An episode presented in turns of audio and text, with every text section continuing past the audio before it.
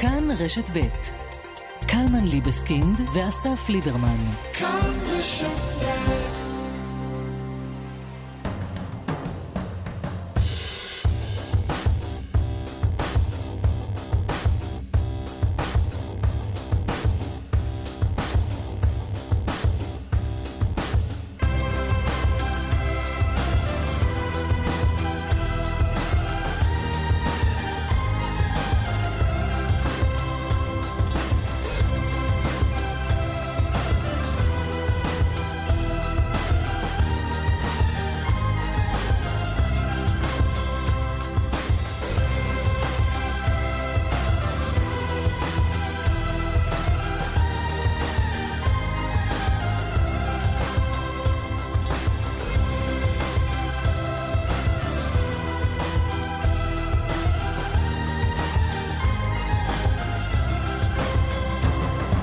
אהלן, שלום רב. שלום ובוקר טוב. אתה לא אכפת לך מפתיחת שנת הלימודים, אה? תראה, תראה, אכפת לי. יש לי ילדה בכיתה י"ב. י"ב זה לא שנת הלימודים, נכון, זה לא קשור נכון. אליה. ניסיתי. היא יודעת מתי מתחילה שנת הלימודים? אני זוכר את י"ב, אתה לא בא.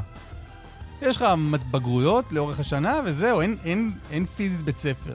אז אני אתקן. אה, כמו שאמרתי בהתחלה, לא אכפת לי. זה... אכפת לי כי אני חושב על אנשים אחרים, אתה יודע, אני לא... לא בן אדם שחושב רק על עצמו. אני רוצה לצטט את... אה, אמר מי שאמר, נדמה לי זה היה אה, אסף ליברמן, שאמר פעם, העולם מתחלק לשני סוגים, אלה עם ילדים קטנים ואלה בלי ילדים קטנים. זהו, זה החלוקה. אלה אנ- אנשים... לא, זה חיים אחרים לגמרי, זה, לא אותם שיש חיים. לך ילדים בכיתה ח' בבית. זה גם, אה, גם, גם יש תת חלוקה. ברור. נכון? הילדים שלך לא בבית ספר. נכון, זה גן, פעוטון, זה משהו אחר. עולה לגן עירייה עכשיו. זה, אתה יודע, צריך לדעת מה קורה באחד בסדר, אתה מסתכל על המתווה, אין מתווה ל... לגנים עד כה. לקחת לי את העיתון שרציתי להקריא לך מתוכו משהו. מה עשית איתו? בבקשה. מה אז- רצית להקריא לי? אז בעניין הזה... קוראים לו אה, הארץ לעיתון הזה. לעיתון קוראים הארץ, כן, אבל סתם, כברירת מחדל. מתווה החינוך ביישובים אדומים, כיתות עם פחות מ-70% מתחסנים ילמדו בזום. כלומר, מדי בוקר כנראה, או מדי שבוע, נגיד על בסיס שבועי. בואו נניח שזה יהיה על בסיס שבועי, בודקים כמה מתחסנים היו, למרות שלא משנים את החיסון מהרגע, מיום...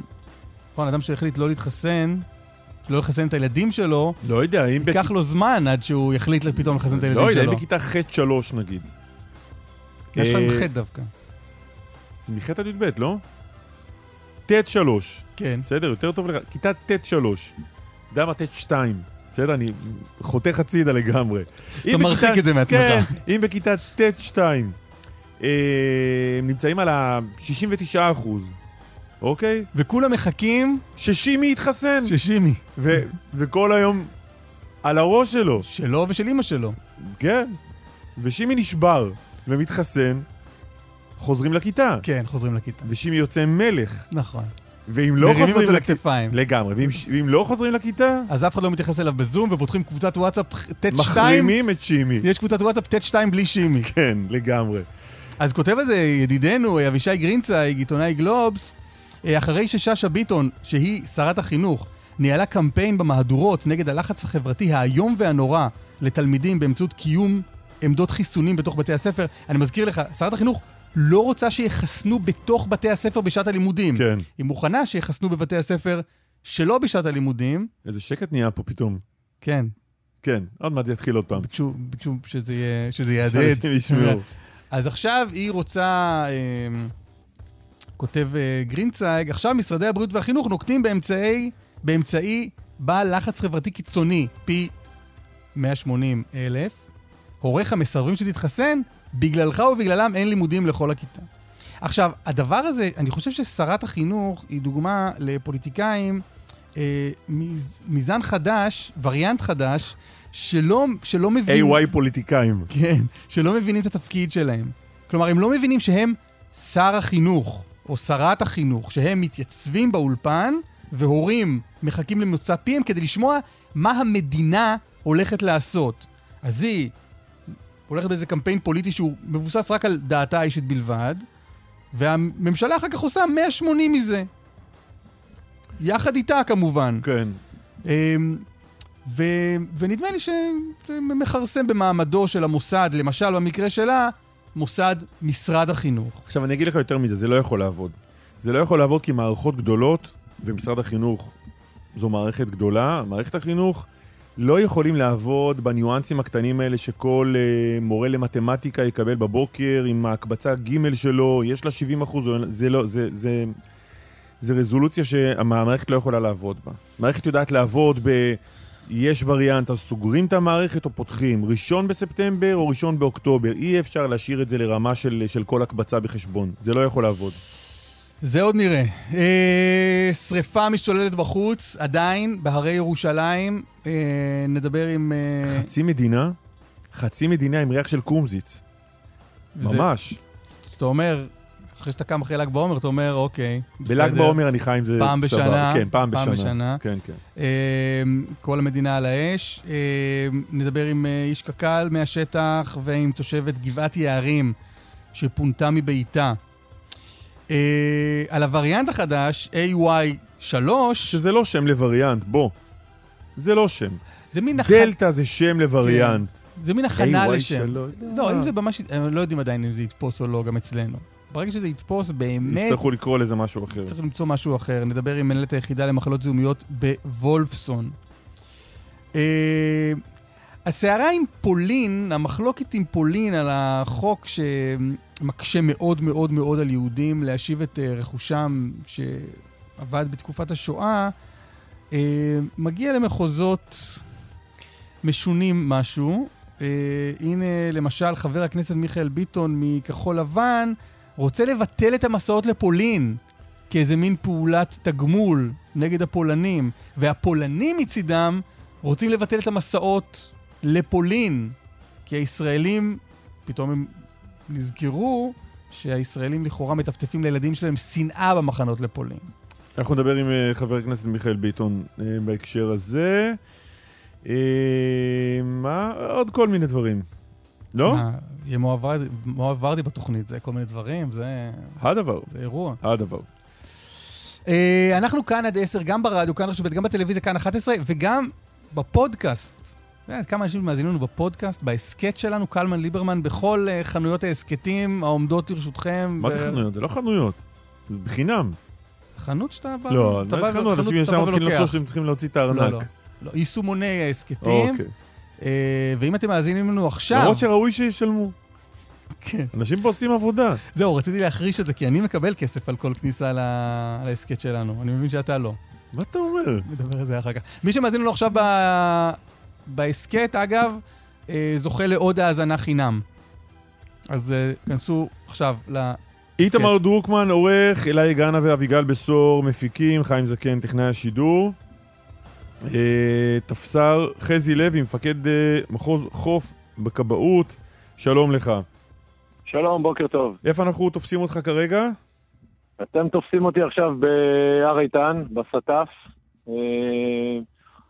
אה, רואים את ההישגים שעבדנו יחד עם הכבאים של מחוז חוף אה, בשטח העצום הזה, הישגים טובים מאוד, הכבאים עבדו כל הלילה, ועכשיו בבוקר אנחנו רואים את העבודה המצוינת שלהם. האש דולקת כרגע? איפשהו? אה, בעיקר, בעיקר, אה, בעיקר מעשנת, היא לא בוערת, אנחנו לא רואים מוקדי בעירה, את, את, כולם, את רובם אנחנו חיסלנו בלילה, ומה שלא חיסלנו אז עכשיו המטוסי כיבוי יחד עם הכוחות הקרקעיים הענקיים, הם מחסלים, אי אפשר להגיד שיש אש בוערת, אבל עדיין יש הרבה מאוד שטחים שחורים שמעשנים שאנחנו חייבים לחסל אותם. וזה בעיקר העבודה ב-48, אולי אפילו יותר השעות הבאות. זו עבודה קשה, שבו כבר אנחנו אה, מאוד מאוד עייפים, אבל חייבים לסיים את העבודה, זה, זה ייקח הרבה מאוד זמן, זה חלק מדפוס הפעולה שלנו במגה שרפות, ומה שהיה פה בירושלים זה מגה שרפה, זה לא... אתה אומר בלילה. הזה, אבל כן הצלחתם פעם ראשונה לכבות את האש. אה, נכון, כן. בכל השטח, בכל היער, זה מטוסים, נכון? זה לא שכבאיות נוסעות בין, ה... בין העצים. לא, לא, זה כבאיות נוסעות בין העצים, בשבילים. אבל השטח הוא ענק. השטח הוא עצום, וגם כוחות הכיבוי פה הם עצומים. אנחנו פה מפעילים, אה, נציב הכבאות למעשה אתמול אה, הכריז על גיוס כללי, ואנחנו הפעלנו אה, סדר גודל כוחות שהופעל לאחרונה ב-2010, בשרפה הגדולה בכרמל. אבל אנחנו בכבאות אחרת לגמרי ממה ש-2010, אני לא עושה חלילה שום השוואה. אבל סדר גודל הכוחות, הכבאות נמתחה עד קצה גבול היכולת שלה באירוע הזה, שחשוב מאוד שתבינו שאנחנו אמנם פה בכוחות גדולים מספיקים, הכוחות מספיקים לטפל באירוע בירושלים, אבל אל תשכחו שיש לנו עדיין מדינה ושכונה מאוד מאוד בעייתית, אה, ואנחנו חייבים לשמור על הרבה מאוד אה, עקב בכל המחוזות, כך גם במחוז חוף, כך גם במחוז צפון, מחוז דרום, כך שיש מספיק כבאים בתחנות, וזה האתגר. הרציפות התפקודית היא מנוהלת בצורה יוצאת מן הכלל על ידי נציב הכבאות, ככה שאנחנו באמת פרוסים היטב. המצב בירושלים אני חייב להישמע אה, זהיר, אבל יחד עם זאת מאוד אופטימי לגבי מה שקורה פה. אין, אה, אין שריפה, יש הרבה מאוד אה, מוקדים מעשנים. כן. ומה שמעניין אותנו זה יכול להשתנות ויש לכם אתגר עכשיו ב-48 שעות, אבל תגיד רגע, עצם זה שמפקד מחוז חוף בכבאות מדבר איתנו מהר איתן, זה אומר שכל המערך הכיבוי של ישראל מנותב עכשיו לאזור הזה של הרי ירושלים? כמובן, אה, כל מפקדי המחוזות נמצאים פה, כל מפקד מחוז קיבל מהנציב משימה, יחד עם הכוח שהוא הביא מהמחוז שלו, אה, וככה אנחנו כבר עובדים אה, למעשה 48 שעות. כל המפקדים שלי נמצאים תחתיי ויחד איתי. זה כוח אדם עצום, מוטיבציה גבוהה, והכבאות היום זה לא משנה אם אתה מחוז חוף או מחוז דרום, כשיש משימה כולם מתייצבים, וזה כאילו, זה המדינה שלנו. ככה ש... כן, שמע, שמענו אתמול פניות של הממשלה ל... ליוון, לקפריסין, אה, אולי לעוד מדינות לסייע ב... טורקיה. טורקיה בהבאת מטוסי אה, כיבוי לפה? זה עוד על הפרק או שמיותר כבר? הפ... אה, לא, כנראה לשרפה הזאת זה יהיה מיותר, אבל זו החלטה נכונה מאוד של הממשלה, כי אנחנו לא ידענו לאיזה מצב אנחנו נגיע היום. תמיד אנחנו מתכוונים לדברים שאנחנו לא מוכנים אליהם. אה, אנחנו כולנו מרוכזים בירושלים, אבל יש יערות נוספים ויש אתגרים נוספים לא, אבל תפסר לוי, אתה אומר עכשיו, כן, אנחנו עדיין צריכים שהמטוסים הטורקיים, היוונים, הקפריסאים יגיעו? אה, אני לא שותף בהחלטות האלה, אבל... לא, אבל אתה בשטח ואתה יודע מה הצרכים. הצרכים, מה שיש לנו עכשיו, זה המטוסים שלנו, זה מספיק. לא אבל לא הבנתי, יש כרגע, אבל יש, חזי לוי, יש כרגע שריפה אחת בישראל, לא? ואם בה לא צריך, אז מה, אנחנו נביא מטוסים יווניים למה? לשרפות שיקרו? נכון, נכון. לא נכון. הבנתי. ברגע, מה לא הבנת? אתה הטייס היווני, המטוס היווני יבוא לפה ויחכה לשרפה? ברור. אם הוא יצטרך לעשות את זה, אז הוא יעשה את זה, כמובן. עתודות זה אחד האתגרים הכי גדולים של מפקדים, זה לשמור על עתודה. לטפל באירוע שאתה לא מכיר. מה אתה רוצה, שיהיה אירוע פתאום במחוז צפון, ואז אני אגיד, מה, איך לא חשבתי על זה? לא, לא אני אגיד לך מה, אני חושב שהפער בינינו הוא, נדמה לי, על התפיסה של מה זה אומר להזעיק מטוסים מהשכנות שלנו. כלומר, אני, נדמה לי, וגם אני חושב שזה גם מה שקלמן מבין, שכשאנחנו מזעיקים מטוס מיוון, או מטוסים מיוון, אנחנו אומרים, חברים, יש פה שריפה שאנחנו לא משתלטים עליה, תביאו מהר מטוסי כיבוי. אבל אתה אומר, לא, אנחנו צריכים שאנשים, שעוד מטוסים יהיו פה בכוננות למקרה שיפרוץ עוד משהו? נכון מאוד, נכון מאוד. אנחנו תמיד חושבים על הדברים שאנחנו לא מכירים. איפה, יכולה, איפה יכול הטבע להפתיע אותנו? אה, וברגע שכל המטוסי כיבוי הזמינים אה, בארץ עכשיו עסוקים בירושלים, אנחנו אה, חושבים על אירועים שאנחנו לא מכירים. אבל יש דבר כזה נכון שמדינה שולחת אל מדינה ידידה מטוסי כיבוי לשריפות שלא קיימות, רק כדי שישבו פה היוונים והקפריסאים בכוננות כדי שאם תפרוץ פה שריפה, זה... זה... קלמן ואסף, אנחנו שלחנו משלחת גדולה מאוד שבוע שעבר ליוון, אה, ורוב העבודה של הכבאים אה, ביוון הייתה אה, להיות כוח עתודה וכוננות, וגם לטפל בשריפות שכבר היוונים קיבו אותם, mm-hmm. ולמנוע התחדשות שלהם. ככה זה עובד. אבל אתם אלופים בתקשורת, אנחנו אלופים בכיבוי אש, וטוב שכך. תפסרים, לא אלופים, תפסרים. כן, תפסרים. תגיד רגע, נכון, אתה יכול... זה בסדר גמור, ואני גם לא בטוח שהיוונים ישלחו, אז אני לא שותף בתהליך קבלת ההחלטות האלה, זה יותר ברמה של הנציב והשר. תאר קצת מה עובר עליך ועל האנשים שלך ב-48 שעות האחרונות. אה, האנשים פה, מה שמעודד לנו זה הכבאים והמפקדים. המון מוטיבציה. אה, זה לא חבר'ה בני 20. אתם צריכים להבין, כבאים זה גיל אקטוארי של 40, 40 פלוס. והם עובדים כבר 24 שעות, אה, קווים ארוכים מאוד, קווים זה אותם זורנוקי מים, ארוכים מאוד, קילומטרים, פרוסים, אנחנו דואגים להם גם, לה, גם לעודד אותם, גם להמשיך את העבודה, הם רואים את גודל, ה, את גודל השעה, הם רואים את גודל המשימה. אנחנו עסוקים כל הזמן בלהחליף כוחות כדי שחלילה עייפות לא תגרם לפציעה של כבאים. זה אירוע מתיש, אה? זה מתיש לכבות כן, אש במשך כל כך הרבה זמן. תחשבו שהכבאים בני הגיבורים האלה רצו כבר שני ריצות מרתון אה, ב-24 שעות האחרונות, ויש להם עוד שניים לפניהם. זה בערך, ככה אני מגדיר את, ה, את הקושי הפיזי, אבל אנחנו דואגים להם גם לכלכלה, גם שינוחו קצת, אה, גם שחלילה לא ייפגעו. אה, ובאמת, אני, אה, זו ההזדמנות, אסף וקלמן. אה, יש כבאים במדינת ישראל שהם המומחים, הגיבורים, הנחושים. מה שאנחנו חיסלנו פה ב-24 שעות, מדינות מתמודדות, מתמודדות שבועות uh, ארוכים, גם ביוון, גם בטורקיה. אנחנו, אתם רואים את, ה, את הדיקסי בקליפורניה, שזו שריפה שברוך השם, אנחנו לא, כנראה שאנחנו לא ניתקל בה במדינת ישראל, אבל זה בממדים שהעולם וכדור הארץ לא ראה. אנחנו ב-48 שעות חיסלנו את אחת השרפות הגדולות שהיו ב, לפחות בשני העשורים האחרונים. וזה הודות לכבאים גיבורים. אין, אין דרך אחרת. כבאים גיבורים אה, ופיקוד מאוד מאוד, אה, פיקוד בשטח.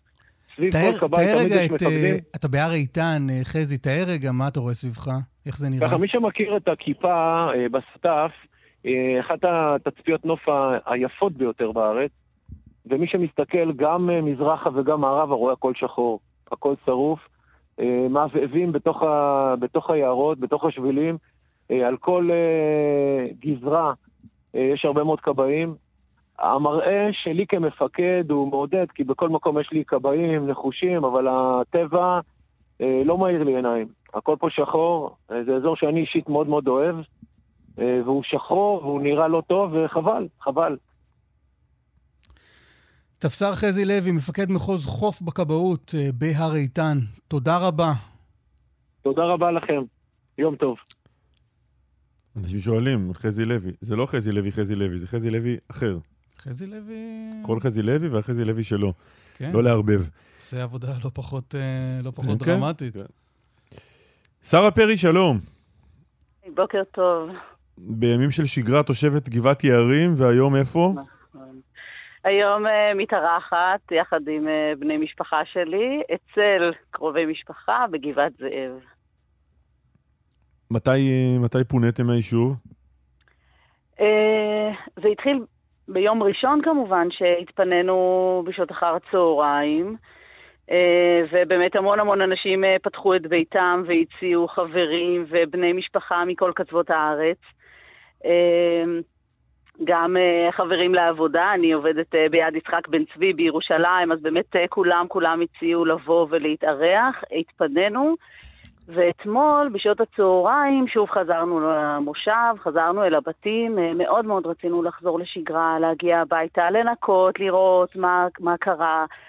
ובאמת מאוד שמחנו אתמול אה, לחזור ולגלות שבסך הכל אה, הנזקים לא היו מאוד מאוד גדולים. זה היה בשעות הצהריים. זה היה הגל ש... הראשון של השרפה. נכון, ואתמול, בשעות, יום שני, בשעות הצהריים, חזרנו הביתה, ובאמת זה היה מאוד משמח לחזור הביתה, ויחד עם זאת, כל הזמן בקבוצות הוואטסאפ, אז uh, כולנו כתבנו וראינו את מוקדי העשן הנוספים. כאילו, מסתכלים מהחלון החוצה ורואים איזשהו עמוד, uh, עמודי עשן, בעיקר בוואדי שבינינו לבין איתנים. והתחושה היא מאוד מבלבלת, כי מצד אחד לא רוצים להיכנס לפאניקה, ולא רוצים להכניס את הילדים לפאניקה, ו... וגם אנשים מבקשים להרגיע ולא לא להלהיט את הרוחות אה, גם ככה, אבל זה באמת היה מאוד uh, מדאיג, אבל זה היה נראה שזה, שהכל בשליטה. ובאחר הצהריים, כבר בסביבות שלוש וחצי, בשלב הזה כבר באמת פתאום העמוד העשן, העמוד המעשן הקטנצ'יק הזה הפך להיות פשוט ענן עצום של עשן. מה, ברגע? אה, תראה, לא הסתכלתי כל אה, שנייה מהחלון, אבל אה, בגדול זה היה מאוד מאוד מהיר, כן, הייתי אומרת ברבע שעה. איך זה נראה? תתארי, שכל... תתארי איך זה נראה. לי זה היה, זה הזכיר לי את התמונות המפורסמות של הירושימה, שפתאום יש פטריית עשן עצומה מעל איתנים, ובשלב הזה כבר לא ידענו מה לעשות, כי הכביש נסגר, הכביש בינינו, בין גבעת יערים, שפונה... אה, לכיוון אשתאול, שעובר דרך איתנים, רמת רזיאל וכיסלון, הכביש הזה כבר נסגר. אז העדפנו באמת לחכות ולראות מה, מה קורה ומה לעשות, וגם שוב, כל הזמן ניסו להרגיע אותנו ולומר שזה בסדר והאש בשליטה ולא להיכנס לפאניקה. אבל בסביבות ארבע, כבר השמיים נהיו שוב, זה אותם המחזות שהיו ביום ראשון, פתאום ברגע אחד השמיים אדומים מאוד, והעשן כבר היה מכל עבר. זאת אומרת, כשיצאנו החוצה, פשוט הרגשנו שהמושב מוקף בלהבות. אבל כמה זה קרוב? זה מאוד מאוד קרוב, וזה הגיע אתמול עד הבתים שלנו. זאת אומרת, המושב שלי הוא יושב אה, על הר, אה, מוקף בוודיות, בנחל כיסלון, אה, ובוואדי נוסף בינינו לבין איתנים, כך שאנחנו באמת מוקפים מוודיות. ו... ואני חייבת לציין שזה לא קרה עד עכשיו. זאת אומרת, אני אה, גרה ונולדתי וגדלתי בגבעת יערים, ותמיד ראינו את השכנים שלנו שסבלו, בית מאיר ושורש, וכזה דבר בסדר גודל כזה עוד לא קרה אצלנו. ושרה, מתי מגיע הרגע שבו את מבינה, באיזה שלב את מבינה שאת צריכה להתפנות מהבית, בפעם השנייה? אינטואיטיבית, ברגע שבאמת עלתה, עלה ענן העשן הזה באזור איתנים, הר איתן, אה, כבר אה, הבנתי שכדאי לארוז שוב, אה, והשמחה הייתה מוקדמת. וממש 20 דקות, חצי שעה אחר כך, כבר היינו צ'יק צ'ק באוטו. כשיצאתי החוצה לחצר ופשוט לא יכולתי לנשום, והפעם מכל מקום היו להבות מסביב. נכנסתם לאוטו שלכם, אחרי 20 דקות אומרת כבר הייתם באוטו שלכם. נכון, היינו באוטו, ו...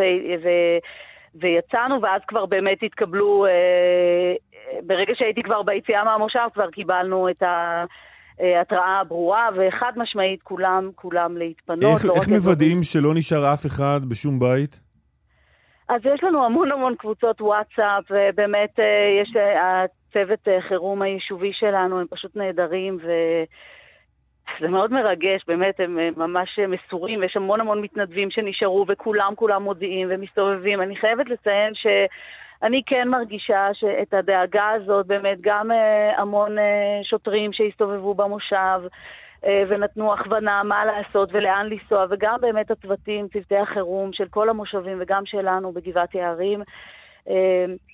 זה, זה נורא מבלבל. אני אתאר לכם את הסיטואציה רגע שאני יוצאת עם אוטו מלא בילדים וטרמפיסט אה, נוסף אה, חמוד שלקחנו איתנו, והכלבה באמצע, וחתול אה, בתוך אה, כלוב. אה, ויוצאים מהמושב, פשוט לא, לא, הכל בוער, זה לא בוער, זה לא שזה להבות, אבל תגידי, הכל מעושן, זה... ולא יודעים לאן לנסוע, מאיפה יוצאים. זו שאלה שתמיד שואלים, אבל היא תמיד, תמיד מסקרנת מאוד, מחדש. מה לוקחים כשאת יוצאת החוצה ואת רואה את הלהבות אוטוטו מגיעות? כן, אז נראה לי שאנחנו כולנו למודי ניסיון. אה, יש כבר פק"ל, יש כבר פק"ל, מה לקחת כשהיישוב נשרף. ממש, אני חושבת שכולנו זוכרים את אה, אימת אה, השרפה בבית אורן והשרפות בכרמל, ו... אז אוטומטית הרבה מאיתנו לקחו אלבומים, שזה... אני זוכרת את העצב של האנשים בבית אורן שלא לקחו אלבומים וכל הזיכרונות נשארו, אז באמת אמ, לוקחים אלבומים, אני אישית לקחתי גם אה, קצת שטויות, כן? אה, זה ממש לא חושבים בצורה הגיונית. מה זה אה, שטויות? מה זה שטויות? שטויות זה... לא, לא להתבייש, זה... לא להתבייש, זו שיחה אינטימית כאן. ממש, זה רק אנחנו ואת פה. קרם לשיער, כמטולטלת תמידית, אני לא, לא, לא העליתי על דעתי שאני אצא נו, זה לא שטויות, למה צריך להתבייש בזה? מה זה, מה בכל סופר יש קרם לשיער, זה לא מה שחשוב. גם אסף היה לוקח דבר ראשון קרם לשיער. הדבר האחרון שלי לוקח. סתם, אבל רק בגלל הבדל לתפיסות. כל אחד ומי שמשהו צריך. בדיוק, בדיוק, זר לא, לא יבין זאת. אז עכשיו אתם מחוץ לבית, שרה, את מחוץ לבית כמה זמן? בעצם אה, מיום ראשון, עם הפסקה של שלוש שעות שהיינו בבית, שהדבר הראשון שהתחשק לי לעשות זה לנקות את הבית. זה...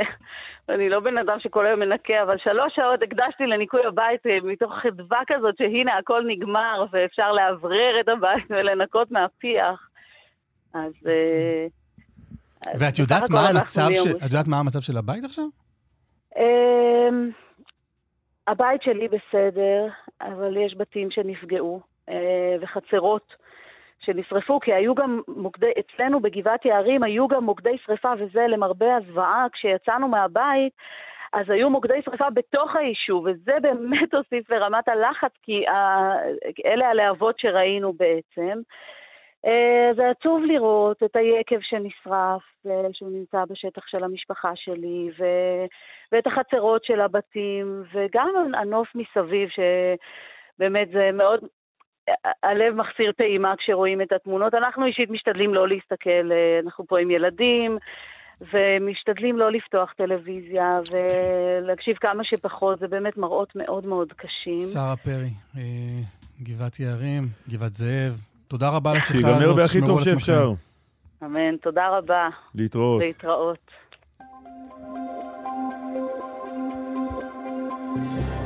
בקשר לשאלתך מראשית התוכנית, כותבת לי המאזינה אריאלה, לגבי הווריאנטים, הם מסווגים עם, עם אותיות האלפא-בטא היווניות, ו-AY3 הוא תת סוג של דלתא.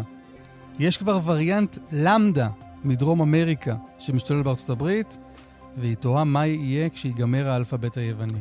למדה... כשיגמר האלפא-בטא היווני, אגב, כנראה תודבר המגפה. למדה יותר טוב מה-AY3. כן? תיזהר עם מה שאתה מבקש, כן? רגע, למדה ינחת על ראשנו פה. ואז מה תגיד? אנשים יגידו, זה, זה וריאנט קלמן בעצם, וריאנט אה, למדה. בשל השרפה בהרי ירושלים עדיין חסומה לתנועה דרך 395 מקיבוץ סובה עד אשתאול בשני הכיוונים, באיילון צפונה. עמוס. אני יודע, עם הלמדה שלך, ממחלף קוממיות עד אובוז, ממחלף חולון וקיבוץ גלויות עד מחלף השלום, דרומה, משמריהו מזרח עד גלילות. דיווחים נוספים, וכאן מוקד התנועה הכוכבי 9550, ובאתר שלנו. כן, מה, מה, שתף אותי, מה... אין לי שם איזו מחשבה שהסתננה, שצחקת. אני, אשתף, אבל, אה, אבל תן להוציא לפרסומות רגע. פרסומות, אחרי הפרסומות, אגב, נדבר באמת על הווריאנט החדש. טוב, אה, דיברנו על uh, המתווה של החזרה ללימודים בתחילת התוכנית, אבל גם עשינו את זה בצורה לא מקצועית וגם... לא מקצועית? לא מקצועית, לא מקצועית. אנחנו עשינו משהו בצורה לא מקצועית. לא, אתה. לא רציתי להאשים אף אחד, אבל אתה. אמרת דברים מה, ש... מה עשיתי לו בצורה... לא... בוא, תן לי ללמוד ולתקן. לא, מה תשמע איך זה, מה תשמע איך זה דיווח מקצועי, ואז תפנים, תלך הביתה, תשמע את ההקלטה של התוכנית. תחשוב מה עשית לא בסדר. וגם לא אמרנו מי פרסמה לראשונה את המתווה הזה של אה, משרד לא החינוך, לא הבריאות וראש הממשלה. ליאל קייזר, כתבתנו לענייני כלכלה, שלום. שלום קלמן, שלום אסף. אסף, אה, לא קולגיאלי, מה, מה אתה עושה לקלמן שם? לא, זה לא מאזינה כנראה לתוכנית, הוא ככה כל יום. זה לא... מה, זו הקולגיאליות, אוקיי, יכול להיות שאני צריכה ללכת הביתה. מה צצת לך, ליאל, מה את מדווחת לענייני כלכלה פתאום? טוב, בואי נדבר על המתווה הזה. בואו נדבר על המתווה הזה. אז כן, החלטה, צריך להגיד, חריגה, בטח ביחס לדיונים שמתקיימים אה, בממשלה ובשיח הציבורי בשבועות האחרונים ביחס לפתיחת שנת הלימודים ב-1 בספטמבר. דיון אה, שמתקיים בהשתתפות אה, ראש הממשלה ושרת החינוך ומנכ"לי משרדיהם ושר הבריאות. בסיומו מוחלט שיעור ההתחסנות בכיתות הגבוהות של בני ה-12 ומעלה, ז' עד י"ב, הוא שיכריע האם הלימודים ייפתחו כרגיל, כסדרם, או ייפתחו בלמידה מרחוק. בכיתות שבהן שיעור ההתחסנות יהיה נמוך מ-70%, התלמידים בכיתות ח' עד י"ב פשוט ילמדו מרחוק, לא יגיעו לכיתות הלימודים בערים האדומות. בכיתות שבהן שיעור ההתחסנות יהיה 70% ויותר בערים האדומות, התלמידים יוכלו לחזור uh, ללמוד באופן פיזי בבתי הספר. עכשיו, על זה תהינו בתחילת התוכנית, איך זה קורה? כלומר, מה, בכל רגע נתון, המורה, המורה, ידעו כמה מחוסנים יש בכיתה, וה, וה, וההורים ברגע האמת יעדכנו את, ה, את המורים על החיסון של הילדים? אז תראה, אסף, זו ההחלטה העקרונית שמתקבלת uh, אתמול uh, בדיון, וכמו שאתה אומר בעצמך, אלוהים וגם השטן uh, נמצאים בפרטים הקטנים, וראינו פעם אחר פעם, נגיד, מאז תחילת משבר הקורונה, לא רק בממשלה הנוכחית, שההחלטות העקרוניות האלה בדרך כלל הרבה פעמים uh, מתקשים לפרוט אותן uh, לפרוטות של uh, יישום uh, וביצוע, כרגע שוברים את הראש איך בדיוק ידעו מה יהיה סטטוס החיסון של כל uh, תלמיד uh, ותלמידה. יכול להיות שאתה, אסף, צריך uh, להצטרף uh, uh, לצוות ההיגוי ולהציג בפניהם כל כשל וכשל, לא ברור עדיין איך uh, ידעו בבתי הספר, מי מחוסן, כמה מחוסן, האם ואיך אפשר לדרוש את המידע הזה. לא, אבל זה, אבל זה נגיד, לא... גם הייעוץ המשפטי משתתף בישיבה הזאת, והמהלך הזה בסך הכל uh, מאושר ועובר. כן, אבל uh, משפ... משפטי זה לא הכל. זה הולך, נדמה לי, לייצר כאן בלגן משוגע. בבית ספר שיש בו, לא יודע, בכל כיתה, בכל מחזור, שלוש כיתות, ובבוקר הכיתה הזאת תלמד, והכיתה הזו לא תלמד, והשכבה הזאת כן, והשכבה הזאת לא. וזה לא רק, המורים צריכים להשתנות כל בוקר לפי השאלה אם יש 70 אחוז או לא, גם התלמידים צריכים לדעת בבוקר אם ההוא שהיה ב-69 אחוז יתחסן, ואז לבוא מחר בבוקר, או לא, לא, תישארו בבית. זה נראה לי בלגן ענק.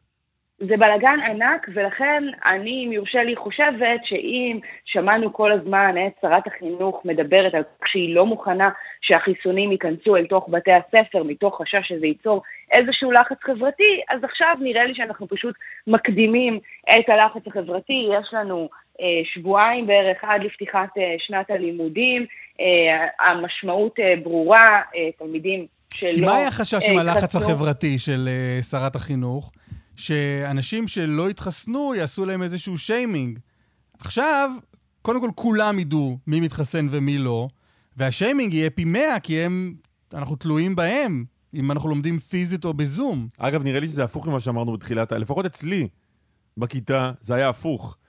היינו, אה. היינו אומרים לשימי, ההוא, קח כסף, נאסוף מכל הכיתה, אל תתחסן. אל תתחסן, נשאר רק בדיוק, בבית. רציתי, רציתי להגיד את זה גם, אבל איכשהו בשנה האחרונה אנחנו מדברים על בני הנוער שניזוקים וסופגים נזקים שבאמת אי אפשר לזלזל בהם כתוצאה מזה שהם לא הולכים לבית ספר, בראש שלי עדיין כנראה היינו uh, מעדיפים לשבת בבית מאשר ללמוד בזום, אבל זה באמת כי אני uh, לא תלמידה בשנתיים האחרונות.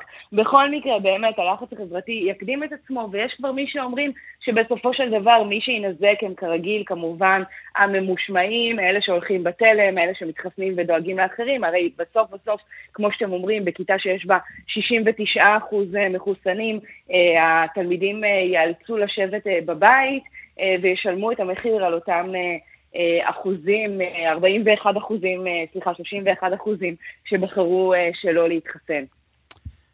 ליאל קייזר, כתבתנו, תודה רבה. תודה לכם. הדוקטור יסמין מאור היא מנהלת היחידה למחלות זיהומיות במרכז הרפואי וולפסון, שלום. בוקר טוב. מה נשמע? שוב אנחנו בגל נוסף, כן, מתמודדים. עמוס. זה נשמעת עמוסה. כן, עמוס מאוד. מה? תתני איזה קווים לדמותו של העומס הזה? פתחנו כבר שתי מחלקות קורונה, יש לנו מעל ל-60 חולים, יש לנו גם חולים בטיפול נמרץ, יש לנו חולה לא מחוסנת על אקמו. אז בהחלט אנחנו רואים עומס בתחלואה, אבל התחלואה הכי קשה אנחנו רואים בלא מחוסנים. ובאמת, אין, אין מילים כבר אה, לומר כמה החיסון חשוב, מגן ומציל חיים. מה אנחנו יודעים על הווריאנט החדש הזה? אתה מתכוון לווריאנט הדרום-אמריקאי. כן. אנחנו קוראים לו פה ה-AY3. אבל זה אנחנו, כל אחד... את כגורם פחות מקצועי יכולה לקרוא לו הווריאנט הדרום-אמריקאי. תראו, יש כל הזמן וריאנטים שנוצרים כשיש כזאת כמות של נגיף בעולם. הווריאנט הזה הוא כנראה מאוד מידבק, ויש גם כרגע חוסר ידע עד כמה החיסונים יעילים כלפיו. אבל המידע לגביו הוא כרגע מאוד מצומצם, כי הוא מגיע בעיקר ממדינות שהן פחות מפותחות מבחינת הרפואה, מבחינת המעקב, ויש שם עוד גורמים נוספים שמשפיעים על אופי התחלואה. אז קשה בהקשר הזה, בנקודת זמן זו, באמת להעריך את הדברים בצורה יותר מדויקת. אבל לפי מה שאנחנו מבינים, מה הוא יודע לעשות, הווריאנט הזה? הוא גם מדביק יותר מאשר הווריאנטים הקודמים, הוא גם יכול להדביק ילדים, שזאת נקודה משמעותית, כי אנחנו רואים לאורך המגפה שיש יותר ויותר הדבקות של ילדים ככל שהווריאנטים משתנים. זה מחזיר אותנו לחשיבות של חיסון ילדים ונוער. להדביק ילדים, גם מה שיש לנו עכשיו מדביק ילדים, השאלה אם זה כן. מייצר גם תחלואה יותר אבל... קשה. אז קשה לאמוד את זה. אנחנו יודעים שבמדינות מאוד עניות הייתה גם תמותה של ילדים משמעותית מנגיפי קורונה כאלה ואחרים. ראינו את זה בפרו, ראינו את זה במלזיה, וגם אפילו במדינות מערביות אנחנו רואים בכלל שתחלואה בקורונה היא יותר קשה תמיד. אוכלוסיות במעמד סוציו-אקונומי יותר נמוך, הם מגיעים למחלה מלכתחילה במצב יותר מוחלש, וזה גם מאוד נכון מבחינה של ילדים. אבל קשה ככה מרחוק להפריד מה מזה נובע מבאמת המצב הבסיסי של שירותי הרפואה ושל הילדים במדינות הללו, ומה זה האימפקט של הווריאנט עצמו. הרבה יותר קל לאמוד את זה כשווריאנט כזה מגיע למדינה שבאופי שלה ומבחינת ההתנהלות הבריאותית שלה היא יותר דומה לישראל. אבל יש סיבה לחשוב שה-AY3 הזה הוא איזה Game Changer, או עוד, עוד משהו כמו, כמו הדלתא שישנה פה את התמונה? תראה, אני חושבת שזה מוקדם מדי לדבר עליו בוודאות שהוא Game Changer או לא. אני סתם אתן כדוגמה, מאוד חששנו מהווריאנט הדרום אפריקאי, שגם הגיע לארץ, ואנחנו יודעים שעשה מחלה יותר קשה ויותר תמותה, אבל הוא לא התבסס בארץ, למרות זאת. אז אה, אני לא יכולה כרגע לומר עד כמה זה עלול לגרום פה לגל נוסף של תחלואה, אבל אני חושבת שקונספטואלית, רעיונית, אנחנו חייבים להבין שיהיו עוד גלים עם עוד וריאנטים. ופה אני רוצה לחזור לעניין החיסונים, גם אם החיסון לא מתאים לווריאנט החדש, אנחנו, כמו שאנחנו רואים עכשיו בדלתא, הוא לא ממש מתאים לווריאנט החדש, הוא עדיין מוריד תחלואה קשה. אז בסדר, גם החיסונים נדבקים וחולים, אבל בכל זאת יש להם לפחות הגנה חלקית, והגנה חלקית זה דבר מאוד משמעותי. אני תוהה אם היינו מנהלים את השיחה הזאת כשבועיים לפני שהגיע לכאן אה, זן הדלתא. האם לא היינו מהר מזדרזים לא יודע אם לסגור את נתב"ג, אבל להכיל על הגבלות הרבה יותר דרמטיות בנתב"ג. והשאלה אם זה לא הרגע שבו צריך לעשות אותו דבר אל מול אותו זן אה, דרום-אמריקני AY3. אני, אני, אני אגיד לך מה אני חושבת בכנות. זאת אומרת, אני חושבת שעל הנייר זאת הצעה נפלאה. היא פשוט לא ישימה לחלוטין. כשמדובר על מגפה שנמשכת שנים, לא כמה חודשים, אי אפשר לסגור הרמטית את המדינה. ו... כי את אומרת כל הזמן לא זנים, כל הזמן זנים יגיעו. ולכן אני חושבת שהאסטרטגיה היא לא צריכה לסגור, אלא למשל להכניס לבידוד את מי שחוזר מחו"ל, לעשות פיקוח טוב על מה נכנס לארץ, בעיקר להשתמש באסטרטגיות אחרות כדי להוריד את כמות התחלואה ואת חומרת מה, התחלואה. מה היא? מה היא? אני יודע שאנחנו כבר איזה שנתיים מחפשים את האסטרטגיה הזו. אני חושבת שעוד פעם, אני חושבת שזה בעיקר החיסונים. אני חושבת שאם עוד מיליון אנשים שלא התחסנו עדיין, שהם ברי חיסון, היו מתחסנים, המצב היה נראה אחרת. הם לא התחסנו. כי מה בעצם כרגע הגורם שמטריד אותנו? זה לא זה שאנשים נדבקים, אלא זה זה שיש חולים קשים, העומס על בתי החולים, ומתי נגיע לנקודת הקריסה או כמעט קריסה. אז זה מה שמטריד אותנו. בסיכומו של יום, אם מישהו נדבק ועובר את המחלה בשלום, אז הוא לא רכש את החיסוניות שלו בדרך זו או אחרת, רק שזה לרכוש את החיסוניות דרך הימור, הימור שעלול לעלות לאדם בחייו. אז uh, אני חושבת שזה צריך להיות הדגש, וזה מה שגם לדעתי מתכוונים, שאומרים שצריך להתחיל ללמוד לחיות לצד הקורונה, כי הסיפור הזה לא יסתיים בעוד חודש, זה לא בעוד שנה. אנחנו מסתכלים קדימה לעוד כמה שנים של גלים כאלה ואחרים ווריאנטים כאלה ואחרים.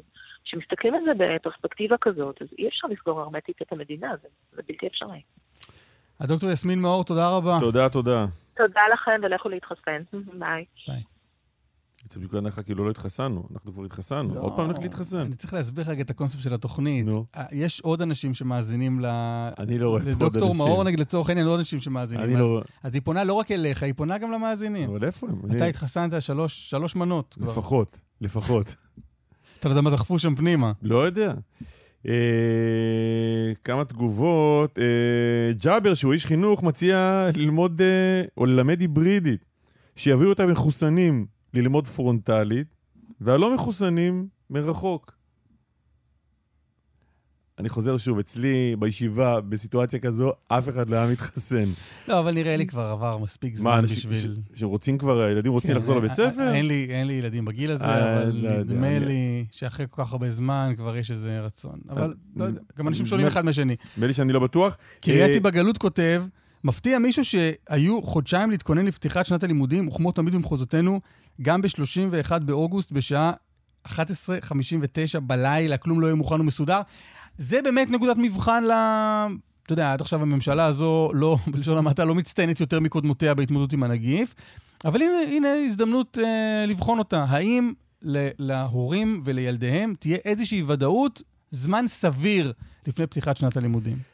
אמרתי, שאלתי בהתחלה אם המורים יצטרכו לעשות חישוב כל בוקר אה, כמה זה 70 אחוז ומי נמצא, זיו כותב, אה, נתתי דוגמה מהמורה לחשבון, בצד ג', אז זיו כותב שדווקא המורה לחשבון הוא זה שאמור לדעת בבית ספר איך, מח... איך מחשבים 70 אחוז. ואפשר לבדוק, לפקח עליהם ולראות אם מישהו טעה ב-70 אחוז, זה... תאר לעצמך קטע כזה שפתאום כל הכיתה נדבקת והמורה אומר, וואלה, חשבתי שזה 70 אחוז, חישבנו לא נכון. כן. כן. לא נעים. זו הזדמנות לבדוק אם אנשים צריכים אה, מקצוע אחר. בואו נצא לדיווחי תנועה רגע.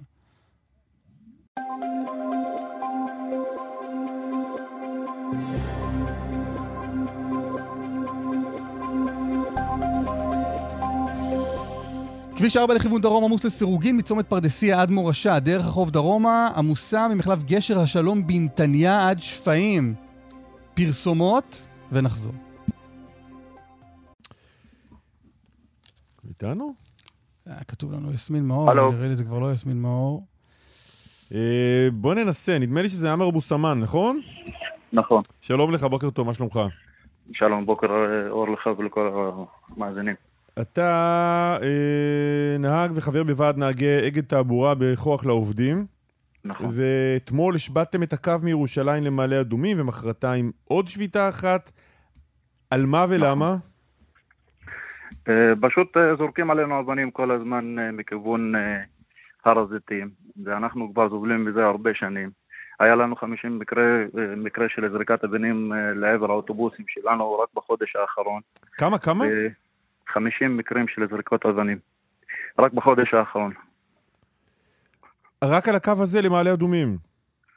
כן, כל הקווים של מעלה אדומים בדרך כלל 177, 167, 164. כל הקווים שעוברים דרך אה, המנהרה לכ... לכיוון אה, מעלה אדומים. זה קורה, הכיוונים, זה קורה איפה? בתוך ירושלים? כן, אחרי המנהרה, אחרי ואדי ג'וז. ויש פגיעות באוטובוס, בנוסעים? כן, כן, כן, כן, בטח נפגע, נפגע לנו הרבה נהגים, גם נפגעה נוסעת לפני, ביום חמישי האחרון. תאר מה זה, אתה יודע שיש שם נקודה מסוימת שבה יזרקו עליך כן, אבנים. יש נקודה מסוימת שזורקים ממנה אבנים, ולצערי הרב גם באותה שעות, אותה שעות ומאותה נקודה, והמשטרה לא עושה דבר. תגידי רגע, וכשאתה מגיע לנקודה הזאת, מה... כשאתה מגיע לנקודה הזאת, מה אתה עושה? אני רואה את הפחד של הנוסעים, הם עוברים קודם כל כיסאות, והם מנסים להתרחק מהחלונות, וכל הזמן מסתכלים לעבר ההר, שלא יצא להם איזה מישהו ויתחיל לזרוק משם אבנים. ו... והייתי בהרבה מקרים של זרוקות אבנים שאני הייתי הנהג של האוטובוס וראיתי את הצעקות של הילדים והצעקות של האנשים בתוך האוטובוס. זה, זה מצב אה, מאוד לא פשוט. זורק, אתם רואים את מי שזורק? זה, זה מקרוב? לפעמים כן, לפעמים לא, לפעמים מקרוב, לפעמים מרחוק. לצערי הרב אה, יש פתרון אה, לכל העניין הזה, אבל המשטרה לא מעוניינת. אם שמים שם ניידת, יום-יומיים, רואים שלא זורקים אבנים, אז הם אה, מוצאים את הניידת משם ומתחילים לזרוק עלינו שוב. אז מה הפתרון? להעמיד שם ניידת כל הזמן. צריך להיות שם ניידת כל הזמן. מה, מי, מי אלה זורקי האבנים? ת, תאפיין אותם. אני לא יכול לח... להגיד לך מי, זה צעירים משם, מהר, מהר הזיתים כנראה. הר הצופים נדמה לי, לא? לא, לא, לא הר הצופים, הר הזיתים. אוקיי. הר הזיתים. ומה, אתם פונים למשטרה ומדברים איתם? אנחנו פנינו למשטרה כמה פעמים. אמרנו, אתה גם חבר בוועד הנהגים, אז... היה לנו, היה לנו בתי משפט שהיה נציגים מהמשטרה, והבטיחו לתגבר שם כוחות ולשים שם כוחות. אבל uh, לצערי הרב הם משחקים uh, איתם כאילו חתול ועכבר. הם באים, אלה הולכים, אלה הולכים, אז אלה באים. ואנחנו אלה שזובלים כל הזמן. יש, uh, יש נהגים שהתחילו לבוא לעבודה עם קסדה של אופנוע, הם שמים קסדות ונוהגים. זה... פשוט מצב לא הגיוני בכלל. נהגי אוטובוס נוהגים עם קסדה על הראש? אה, אה, כן, עם קסדה על הראש. שמה, מאיפה יש להם כן, קסדה? כן, זה כן, הם מביאים מהבית או ש... כן, כן, הם מביאים מהבית. או שאגד מביאים להם. הם מהזכוכית שעף להם לפנים.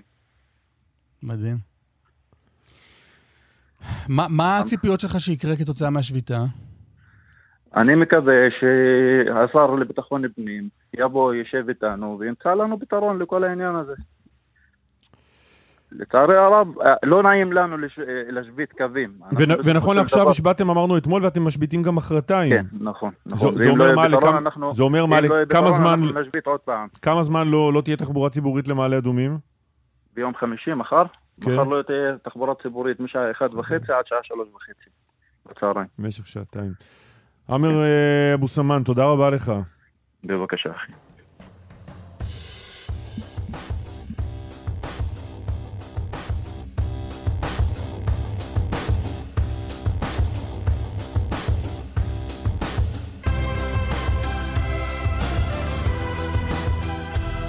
מה, הדברים מעניינים קורים אצלך בטלפון? לא, אני מקבל פה תמונות אה, מאוטובוסים עם אה, חלונות אה, מנופצים. זה נראה... הארדקור. ממש. קשה מאוד. אגד תעבורה, מתקנים אותי. לא אגד, אגד תעבורה. אה, בשעה הבאה נדבר על פולין. יש שני צדדים, גם, גם יש מי מישראל וגם מי מפולין, שלנוכח המתיחות ביחסים בין ישראל לפולין, רוצים לבטל, כלומר, הקורבן של האירוע הזה הוא בראש ובראשונה המסעות, בעיניי, אני אגיד, החשובים. כן, אני מצטרף לזה. לפולין. יש את הפולנים שאומרים, פתאום הם נזכרו לטעון שהמסעות לפולין הם, הם מחלחלים שנאה לבני הנוער שיוצאים, שנאה נגד הפולנים, ולכן הם רוצים לבטל אותם. מהצד הישראלי, נדבר פה עם חבר הכנסת מיכאל ביטון מכחול לבן, שגם רוצה לבטל את המסעות לפולין. מסיבות אחרות, כמובן. כן. אה, נשאל אותו. ומה עוד? מואב ורדי יהיה איתנו. נדבר איתו על אפגניסטן. ועוד דברים. מה, מה, אה, יש סיפור עם איסלנד. יש ישראלים שתקועים באיסלנד. מה זה תקועים? נסעו שם לטיול, אה, חטפו שם קורונה וחטפו אותה קשה מאוד, מאוד. אם היא תקעה, אז אולי באיסלנד. נתעניין במצבם עוד מעט.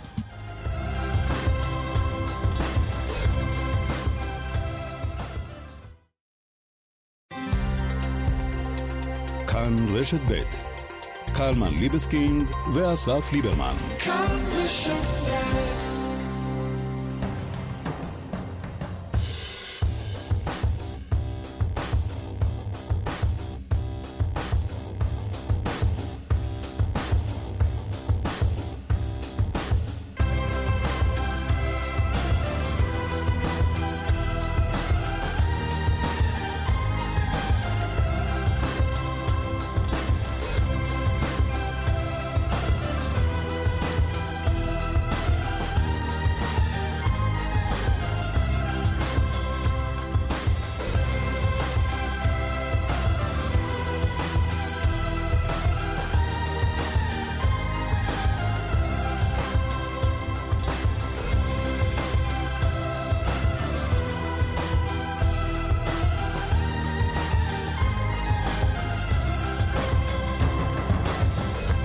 הנה חזרנו. רוצה להגיד משהו או שפשוט נתחיל? לא, זה, חזרנו זה מקובל גם עליי. זה, חזרנו זה שנינו. לא, אין, אין לך איזה משהו שקרה לך בפינת הקפה? שאתה רוצה לספר עליו? הכנתי כוס תה, זה מעניין מישהו? איזה? חמדת השקד. זה חשוב. בסדר גמור. אה, נדבר על פולין, אה, נדבר על אפגניסטן, זה מין מסע מסביב לעולם כזה. אה, פולין, אה, אפגניסטן, נדבר על על הצד האקלימי של האירוע הזה בשריפה, עם אה, דוקטור אמיר גבעתי. משבר האקלים, ההתחממות הגלובלית, איך נאמר, אה, אחראית במידה רבה, חוץ מאלה שאשכרה השתמשו במצית אה, לשריפה הזו. נדבר על זה. וגם על הסיפור באיסלנד. מסע מסביב לעולם, פולין, אפגניסטן, איסלנד. והרי ירושלים. לב העולם. חבר הכנסת מיכאל ביטון הוא יושב ראש ועדת הכלכלה, והוא איש כחול לבן. שלום לך, חבר הכנסת ביטון. בוקר טוב, אה, קלמן ואסף. מה שלומך? בסדר, אני נמצא בירושלים. אתמול קיימנו ועדת כלכלה תקופה בפגרה בנושא של גביית המענקים בחזרה מעסקים, איך, איך לבנות את זה נכון ואיך לא לפגוע בעסקים. יד אחת שמסייעת ויד אחת שעלולה לפגוע. והבוקר אני כל הלילה וגם בבוקר בירושלים ורואה את העשן. והדבר הכי חשוב זה להוקיר את הלוחמי אש בראשות דדי שמחי, קצין מוערך מגולני, שעשו עבודה אדירה הלילה והשתלטו על מוקדי השרפה והצילו חיים בפינוי מושכל. אם הוא היה מהצנחנים או מגבעתי, הכל היה נראה אחרת. לא היית לא כן. מברך אותו, אני מבין. מזל ששמו שם גולנצ'יק. ההבדל בין צנחן לגולנצ'יק זה חמדת השקט, זה הכוס תה. אני צריך להגיד, טורקי, קטן, משהו, נס רובעים, אבל, אבל בסדר. אמ, אתה חושב לנצל במרכאות את המשבר עם הפולנים כדי מה? להפסיק את הסיורים, את המסעות לפולין? כן, תראה, הסיפור של מסעות לפולין הוא תמיד היה מוטל בוויכוח ציבורי. רק 50% אה, מבני הנוער בכלל משתתפים, 44% במסע הזה, וכרגיל, למי שיש כסף, אז מרכז הארץ, לפי דוחות של משרד החינוך, משתתפים מעל 50%, בנגב 30%, בצפון 40%, זאת הוצאה של בין 4,000 ל-6,000 שקל למשפחה. תחשוב על אדם שמרוויח שכר מינימום ויש לו חמישה ילדים ורק ילד אחד פעם בשנה צריך אה, להוציא עשרה אחוז מההכנסה השנתית שלו על מסע חינוכי, כן? ואני חושב שאפשר לעשות מסע חינוכי כאן. לא, אבל רגע, זה שני עניינים שונים, מיכאל ביטון. אם אתה חושב ש... שצריך לחשוב מה עושים מורים שאין להם כסף כדי לשלוח את הילדים לפולין ואולי לעזור להם, זה עניין אחד, והוא עניין חשוב. שוועדת הכלכלה, אגב, יכולה לטפל בו. נכון, הנה רעיון לוועדת הכלכלה. א', אני... אבל זה מוביל. בהכרח ל, ל, ל, למחשבה שצריך לבטל את המסעות לשם? אז אני אתייחס לשני הדברים. קודם כל, אה, חלק מילדיי נסעו לפולין וחלק אה, לא רצו לנסוע, וגם אלה שנסעו אמרו שזה לא הגיל ולא הזמן, ואולי יש דרך אחרת להעמיק וללמוד את זיכרון השואה דווקא בארץ. דווקא עם ניצולי שואה שלא נשארו הרבה, אבל גם דור שני. ויש לנו מספיק מוקדים של מומחיות בארץ ביד ושם, בלוחמי הגטאות, וניתן לעשות העמקה. אנחנו לא חייבים לנסוע לפולין. כדי להעמיק בתודעת השואה וזיכרונה והלקחים ממנה. אתה היית בפולין? אז זה דבר מהותי. מיכאל, היית בפולין? אני הייתי פעם אחת בגרמניה בכנס וביקרתי את ביתי בקרקוב. ואני חושב שזה רגע משמעותי להגיע לאתרי ההשמדה. אני חושב שאדם אבל קרקוב. הוא לא אתר השמדה. היית נכון. באתרי השמדה? לא, אבל אני אומר... כלומר, לא עברת את המסע הזה. אני אומר שיכול להיות שזה רגע משמעותי, יכול להיות שזה לא הגיל, ואם עושים את זה, עכשיו נעבור לעניין השוויוני. אני רק. רוצה, רק רוצה להגיד, מהחוויה האישית שלי, אני כבן נוער לא נסעתי. אבא שלי חשב שזה אירוע לא טוב אה, בגיל הזה, אולי חשב אולי חשב כמוך, אולי חשב כמו הפולנים, שזה מצעד שיש בו, אה, זה אירוע שיש בו שנאה, לא משנה. אה, לא, לא מטעמים כלכליים לא נסענו. בתנועת הנוער שהייתי בה אמרו, כולם נוסעים. לא משנה, אם אין לכם כסף, אנחנו נדאג שיממנו אתכם. אה, נסעתי בגילי המופלג, ממש באחרונה. זו חוויה שאין שנייה לה. ששום ביקור נכון, בשום מוזיאון... אדם... לא, לא ממלא אותה. ואני אצטרף, רגע, בוגר. רגע, רגע, מיכאל, ואני אצטרף רגע לאסף, ואני, ואני אגיד שאני עצמי נסעתי גם כבוגר, כמבוגר, בפעם הראשונה, אה, רעייתי ואני, והייתה, בעיניי זו סדרת חינוך חשובה מאוד, וארבעה מילדיי נסעו. החמישית הייתה צריכה לנסוע ולא נסעה בגלל הקורונה, וארבעה מילדיי נסעו, ושוב, בעיניי מסע חשוב ומחנך מאוד מאוד. אז עוד פעם, אני בעד כמובן שבוגרים ייסעו ובגיל הנכון ובבשלות הנכונה, אבל גם ילדיי, חלקם שנסעו אמרו זה לא הגיל ולא הזמן וניתן לעשות את זה אחרת. וכמובן זה לא שוויוני. אם חוויה לימודית היא כוללת ושוויונית, אז איך אתה מגיע למצב לא, שבנגב רק 30 אחוז... אז לא, מיכאל, בוא נדאג לסבסד את כולם. בעניין הזה אנחנו איתך. אבל אני חושב שזה עולה בערך בין 4,000 ל-6,000 שקל למשתתף, ואם uh, אני אוכל להשקיע שוויונית אלף שקל בכל ילד ולעשות מסע בארץ במוסדות כמו יד ושם, לוחמי הגטאות. זה לא סותר אגב. המרצה לפעולה, כמו שנעשה לא בזיכרון בסלון. זה לא ה... סותר, אבל בסוף זה משאבים. החוויה שאתה מקבל שם, הימים האלה, האינטנסיביים שאתה מעביר שם, שאתה מנותק, כמה שניתן להיות מנותק בעידן הזה, ממה שקורה בעולם החיצוני, ואתה כל כולך מתרכז בחוויית השואה וזיכרון השואה, זה דבר... זה דבר שבאמת אין שני לו. ו- ודווקא בגלל שאנחנו מכירים אותך, מיכאל, דווקא בגלל שאנחנו מכירים אותך כאדם רציני, לא עשית פה עבודה מאוד מעמיקה, אפילו ברמת הלהצטרף למסע כזה, לפני שאתה מעלה יוזמה מרחיקת לכת כמו ביטול המסעות לפולין. אה, כן, לא, לא הצטרפתי למסע כזה, ואני אישית אולי אגיע לפולין כאדם בוגר, אבל זה עדיין לא שולל את עמדתי.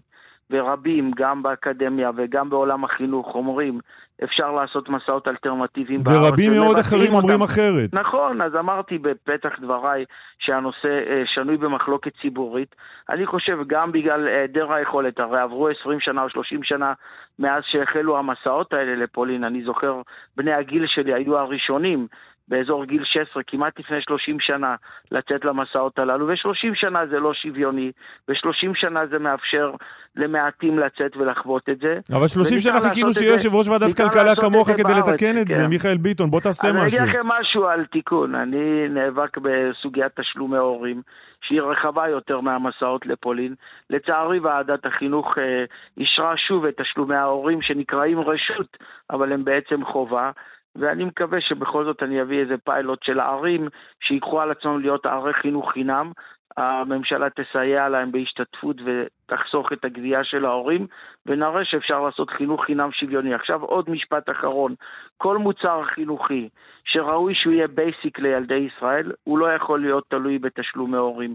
לא המסע לפולין, לא הטיול השנתי, לא מסיבת הסיום ולא ספרי הלימוד.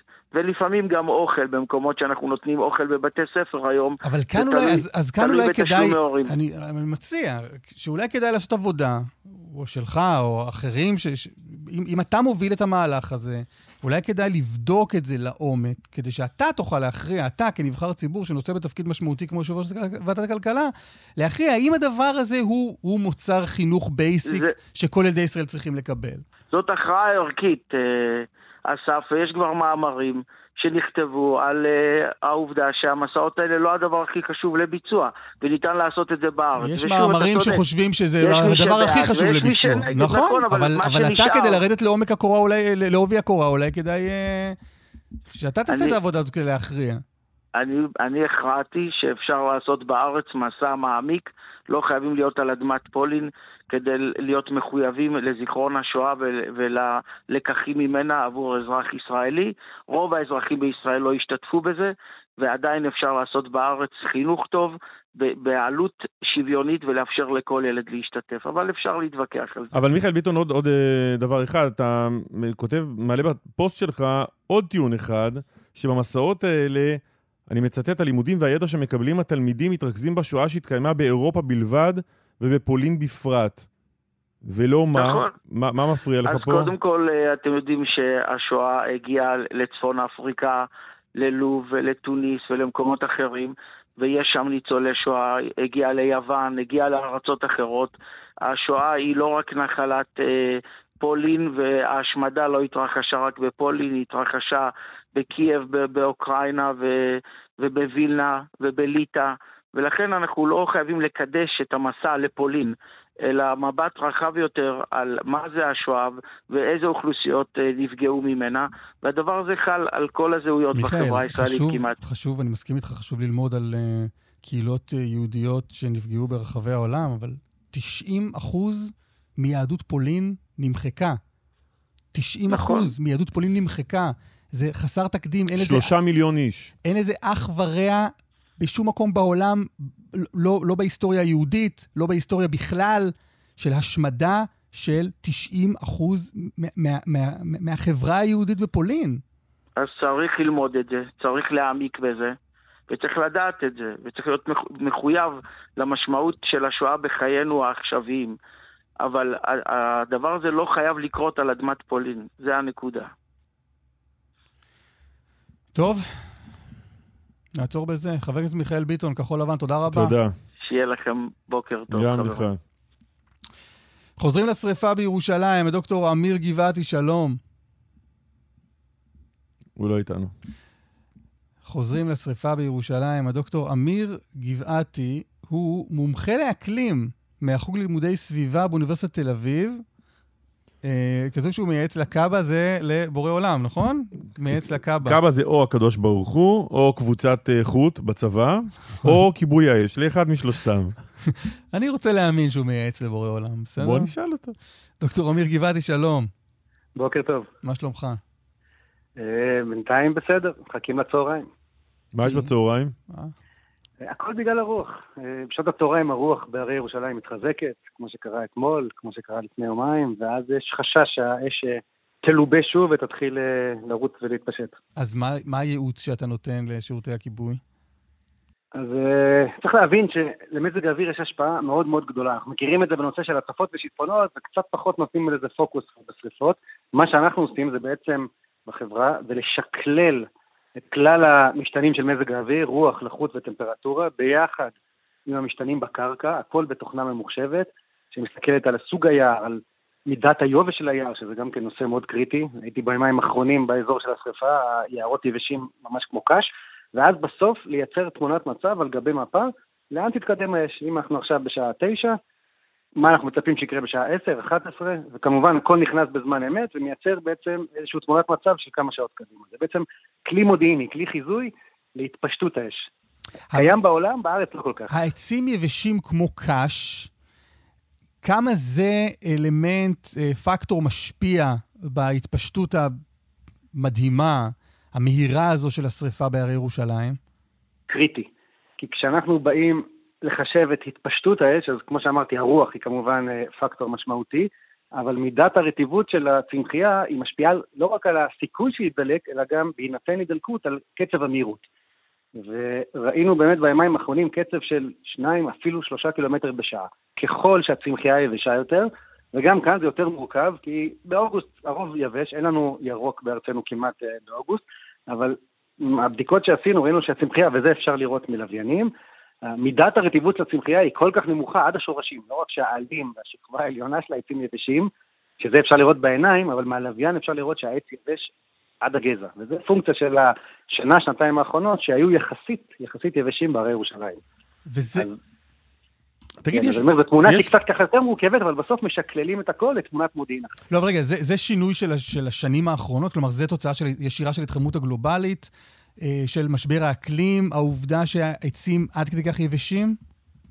אז לפי הנתונים ש... שאני אספתי, מתוך עוד פעם הנתונים של הלוויינים האירופאים, אז התשובה היא כן. כי רואים שבתקופה של ה-20-30 שנה האחרונות יש עלייה של 10% במדד היובש. מדד היובש זה מדד שמשקלל את כמה גשם יורד, מתי הוא יורד, זה לא רק הכמות.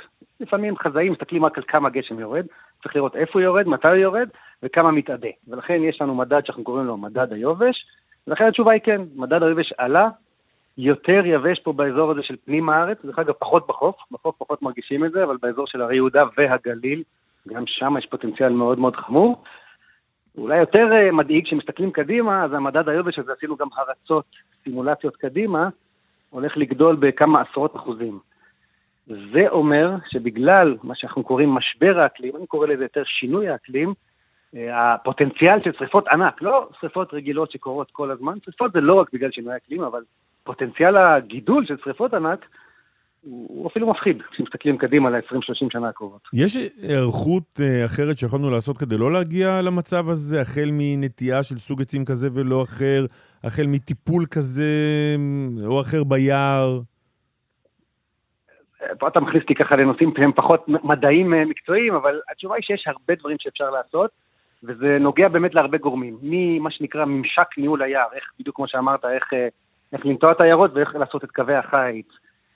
ועד הנושא של מוכנות ותוכניות. אז צריך להגיד שנעשה, זאת אומרת, בניגוד לעבר, ובעיקר מאז המסקנות של אסון הכרמל, דצמבר 2010, האם צריך לעשות עוד, האם, צריך, האם לא נעשה מספיק, זה אחרים יגידו, אבל יש בהחלט דברים שאפשר לעשות, אפשר גם להסתכל על השכונה הקרובה שחוותה שרפות יותר דרמטיות מאצלנו, יוון, איטליה. לא, אבל אתה, אתה אומר, כשאתה אומר, אנחנו מסתכלים על מדד היובש שנים קדימה בעקבות שינוי האקלים, ואתה אומר פוטנציאל שרפות הענק מפחיד. זה חד משמעית, אני אומר. עם זה יש מה לעשות? אה, כן, התשובה היא כן, גם ברמה האופרטיבית. לנו כמדינה או למאזיננו כאזרחים? כל אחד מאיתנו קצת פחות, חוץ מלהיזהר, אבל כמדינה כן, זה אומר שידוד מערכות, זה אומר לא רק בנושא הזה של ההצפות, כל הנושא הזה של, הכלי, של, של השרפות, וגם הצפות, שאו-טו-טו נגיע לתקופה הזאת באוקטובר, וגם שיטפונות ושרפות, צריך להסתכל על זה בצורה אחרת, צריך להבין שההיסטוריה, הסטטיסטיקה של פעם בכמה שנים השתנתה, זה אומר לשנות את המערך של המוכנות, זה כמו כל מה שאמרתי, איך אנחנו מסתכלים על היערות, קווי חיץ, ראייה, יש הרבה תיאוריות שאומרות שנכניס מרעה לתוך היערות, אז כל החומר דלק הזה שנשרף היבש, הקש שדיברתי, יצטמצם.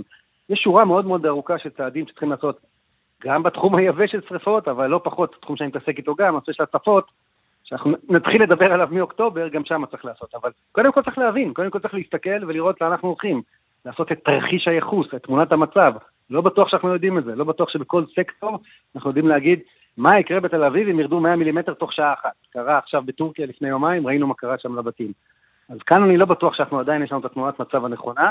נתחיל עם זה, נצייר את המפות ככה לכל דבר, ואז נוכל להתאים את הפתרונות. אבל אני, אני לא בטוח שהאסימון נפל עד הסוף. הדוקטור אמיר גבעתי, תודה רבה. תודה לכם. בדרך 6 דרום העמוס מיוקנעם עילית לכיוון עין תות, באיילון צפון העמוס ממחלף חולון וקיבוץ גלויות עד מחלף השלום, דרומה ממחלף קרן קיימת עד השלום. דיווחים נוספים בכאן, מוקד התנועה כוכבית 9550 ובאתר שלנו, אחרי הפרסומות, דבורים. מואב ורדי, ראש תחום החוץ שלנו, שלום. אהלן, מה נשמע? Uh, בסדר גמור. Uh, אנחנו מדברים על אפגניסטן, נתחיל מאפגניסטן עצמה או מנשיא ארצות הברית על אפגניסטן? אפגניסטן עצמה, המצב פחות או יותר לא, לא משתנה בכל שעה, זאת אומרת, הטליבן שולט ועכשיו מתבצע פינוי כל הכוחות, וה, גם הכוחות וגם האזרחים של מדינות המערב, גם ארצות הברית בעיקר, אבל גם מדינות נוספות, דרך שדה התעופה של כבול, אחרי הכאוס והתמונות באמת החד פעמיות שראינו אתמול את האפגנים פשוט מטפסים על המטוסים, מנסים להימלט. תמונות מדהימות, ממש. כן, תמונות מדהימות. מטפסים ונופ... גם... ונופלים ממטוסים. חלק גם נופלים, כן. מחזיקים את המטוס כדי לברוח, לברוח איתו מהמדינה הזו. נכון, אז, אז אתה יכול להסתכל על זה קודם כל ככישלון אמריקאי. אמריקה נכנסה לשם בעצם בשביל... אבל רגע, עוד, לפני, עוד לפני אמריקה. בוא נדבר על אפגניסטן בעידן הטליבן. מה, מה זה אומר? למה זה כל כך נורא? הטליבן, אה, נדמה לי אולי לרוב המאזינים, ההקבלה ש, שאולי תעשה סדר היא לדאעש. מה זאת אומרת? מדינת אה, שריעה, מדינה... אה, אה, אה, הטליבן הוא מה שנקרא, הוא ארגון סלאפי, זאת אומרת, הוא ארגון סוני קיצוני, שמאמין שצריך לחיות לפי חוקי השריעה, בסדר? בפרפרזה על פרפרזה, ושלא יאשימו אותי פה, וזה סנהדרין, בסדר? כאילו ככתבו בלשונו. צריך לחיות לפי חוקי האסלאם. אין הפרדה בין המדינה לאסלאם, אלא האסלאם הוא חוקי לא המדינה. מה לא הבנת? לא הבנתי מה עם הסנהדרין פה. לא משנה, בהזדמנות אחרת. אוקיי. מה שאני אומר, מה, מה שאני אומר זה שהרעיון הוא שצריך, אה, הרעיון הוא של, של דאעש, או במובן הזה של הטליבן, שהמדינה היא מדינה, מדינת הלכה אסלאמית, קיצונית מאוד. זאת אומרת, אה, קודם כל אין זכויות לנשים בכלל. אישה, כדי לצאת מהבית, צריכה שגבר מבוגר ממנה, לרוב בן משפחתה, ילווה אותה. כן, אבל לא נגיד, יכולות... הדבר הזה, זה כבר קורה? כלומר, אם אני היום אסע אה, למה שתכננתי, יש לי כרטיסים לאפגניסטן, אני אלך עם, אה, עם אשתי, היא לא תוכל לצאת מהבית? כן. היא לא תוכל לצאת מהבית. זה כבר קורה, אתה אומר. זה, כמה שאנחנו מבינים, זה כבר קורה. טוב, אתה, אתה יודע, כרגע המצב הוא קצת מין כאוס ואנרלמות לפני שהעניינים מסתדרים, אבל במקומות שהטליבן כבר שולט אה, מזה זמן באפגניסטן, כבול זה רק עניין של יומיים, אה, זה בהחלט מה שקורה. Mm-hmm. ואנחנו אה, מדברים למעשה על מדינה שאין בה זכויות, אין בה זכויות פרט, אין בה חופש ביטוי, וה, ו, וכל ה, המדינה למעשה מת, מתנהלת על פי חוקי השריעה, על פי חוקי האסלאם. זה, ה, זה המשמעות של לחיות תחת הטליבן. אוקיי, עכשיו בואו נדבר על ביידן, על נשיא ארצות הברית. אז בואו נדבר על ביידן. תראו, לנסיגה באפגניסטן יש רוב אה, שתומך בה בדעת הקהל האמריקני, נדמה לי משהו כמו 70 אחוז. אבל התמונות האלה מאז אה, יום ראשון, של אה, טליבן, שפשוט, זה נראה כאילו שאמריקה, המעצמה הגדולה, נמלטת תחת איום של ארגון טרור ש-20 שנה היא טענה שהיא מביסה אותו. וזה באמת נראה נורא, איך שאתה לא מסתכל על זה, זה גם משדר חולשה נורא גדולה, כן? בסוף הדיפלומטים האמריקנים שמפונים מהשגרירות בכאבול, שדה התעופה במסוקים, מזכירים לאמריקנים את סייגון, בדיוק אותו, אותה פארסה, אותו כישלון, אותה, אותה חולשה, אותה מפולת, אותה התמוטטות אמריקנית. ולכן ביידן קוטע את חופשתו ומגיע לבית הלבן אתמול אחרי הצהריים לנאום בין 20 דקות, שהוא מסיים אותו וחוזר למסוק שלו, וב-20 דקות האלה בעצם אה, ביידן אומר שני דברים. קודם כל, בתוצאה הגרועה עכשיו, הוא אומר, חבר'ה, זה האפגנים, אנחנו נתנו להם תחמושת ונשק וכסף, ואימנו אותם 20 שנה, אבל אם הם לא רוצים להילחם, אם הם לא רוצים בעצמם לנצח במלחמת האזרחים הזאת, אנחנו לא יכולים לנצח בשבילם. וזה לא היה משנה אם היינו נשארים עוד שבוע, עוד חודש, עוד שנה, כמאמר המשוררת. זה לא היה משנה, כי אין שם תשתית של אומה שרוצה לנצח את ארגון הטרור הזה, או לבנות את עצמה כאומה, אה, אתה יודע, אה, מתפקדת, כמדינה מתפקדת, שבמצב כזה היינו יכולים לצאת, והיו, אה, אתה יודע, זורקים עלינו סוכריות בדרך למטוסים בשדה התעופה ולא מנסים לטפס עליהם. אז הוא אומר, זה, זה, זה הבעיה. עכשיו, ביידן אומר פה דבר הרבה הרבה יותר משמעותי. במשך עשרות שנים, אולי אפילו מאז מלחמת העולם השנייה, אבל ביתר שאת מאז שנות ה-90, הפרדיגמה האמריקנית במדיניות החוץ אמרה שאמריקה היא מעצמה לא רק מעצמה צבאית, היא מעצמה מוסרית, היא מגדלור של ערכים, של דמוקרטיה, של חירויות פרט. ולכן העולם הוא עולם יותר טוב ככל שאמריקה והערכים שלה משפיעים עליו. ולכן זה הכתיב התערבות מווייטנאם, שזה עוד בכלל המלחמה הקרה, ועד עיראק ועד אפגניסטן. מתוך איזה, איזה שאיפה שאנחנו נבוא לשם. אבל מה אתה אומר, ו... שביידן סבור שארצות הברית היא לא המוגדל, המגדלור המוסרי של העולם? לא, לא, לא. הוא סבור שאין תוחלת, אין תוחלת למחשבה שאנחנו נבוא לכל מיני אזורים מרוחקים, שבמשך מאות שנים חיים במבנה חברתי של שבטים, ונכפה עליהם איזו דמוקרט, דמוקרטיה ג'פרסוניאנית. כן, אבל זה לא סותר את עניין המגדלור המוסרי. לא, זה לא סותר, אבל לא, הוא לא אומר שאנחנו לא מגדלור מוסרי. הוא בעצם מכיר במגבלות הכוח. הוא אומר, אנחנו, הרי מה זה אפגניסטן? הוא אומר, הנה, 20 שנה ניסינו. 20 שנה ניסינו, ובסוף, בתוך יומיים הטליבן שטף את זה, מחק את זה. מה זה עיראק? אסף, מה זה עיראק? עיראק, אמריקה נכנסה, לא משנה, סדאם חוסיין, נשק להשמדה המונית שלא היה, לא משנה. בסוף אמריקה נכנסה, הפילה רודן, ורצתה להקים שם מה שנקרא nation building, בהגת מדיניות החוץ, לבנות מדינה. מה קרה? זה, זה יצר את דאעש. אבל גם, אבל גם... האמריקנים, אבל... האמריקנים, שנייה, כן. פעם אחר פעם, החל מווייטנאם, האמריקנים חושבים שהם באים בתור איזה כוח נאור שילמד את הנייטיבס מה זה דמוקרטיה ואיך טוב לחיות, והם לא מבינים שנכנסים לסיטואציה, אחד, של מלחמת אזרחים, ב', שהם נתפסים כאימפריאליסטים שלא שייכים למקום. אבל גם ביידן לא חושב שהתוצאה הזו שהוא רואה מול העיניים, וכל העולם רואה מול העיניים, עכשיו היא תוצאה טובה, נכון? לא, הוא פשוט היה אומר, היה צריך לצאת משם אחרי שנה, לצורך העניין. באנו, היינו צריכים, אנחנו נכנסנו לאפגניסטן, אמריקה, למה? בגלל פיגועי התאומים, והטליבן ואפגניסטן שהיוו האכסניה... ולמצוא את בן לאדן, כן. למצוא את זה, הוא אומר, ביידן אומר אתמול, את המשימה הזאת ציינו לפני עשר שנים כשתפסנו את, אה, כשחיסלנו את בן לאדן. ואני אומר לך יותר מזה, לא היה צריך להישאר באפגניסטן גם עשר שנים בשביל לתפוס את בן לאדן, אבל לא משנה. הרי בעצם אמריקה נכנסה לאפגניסטן בשביל אה, להביס אה, את המקום, את, את הארגון הזה שנתן אכסניה למי שייצר את, אה, את פיגועי התאומים. פיין, בסדר, זו מטרה קונקרטית, ספציפית, גומרים הולכים כמו, ש, כמו שאומרים.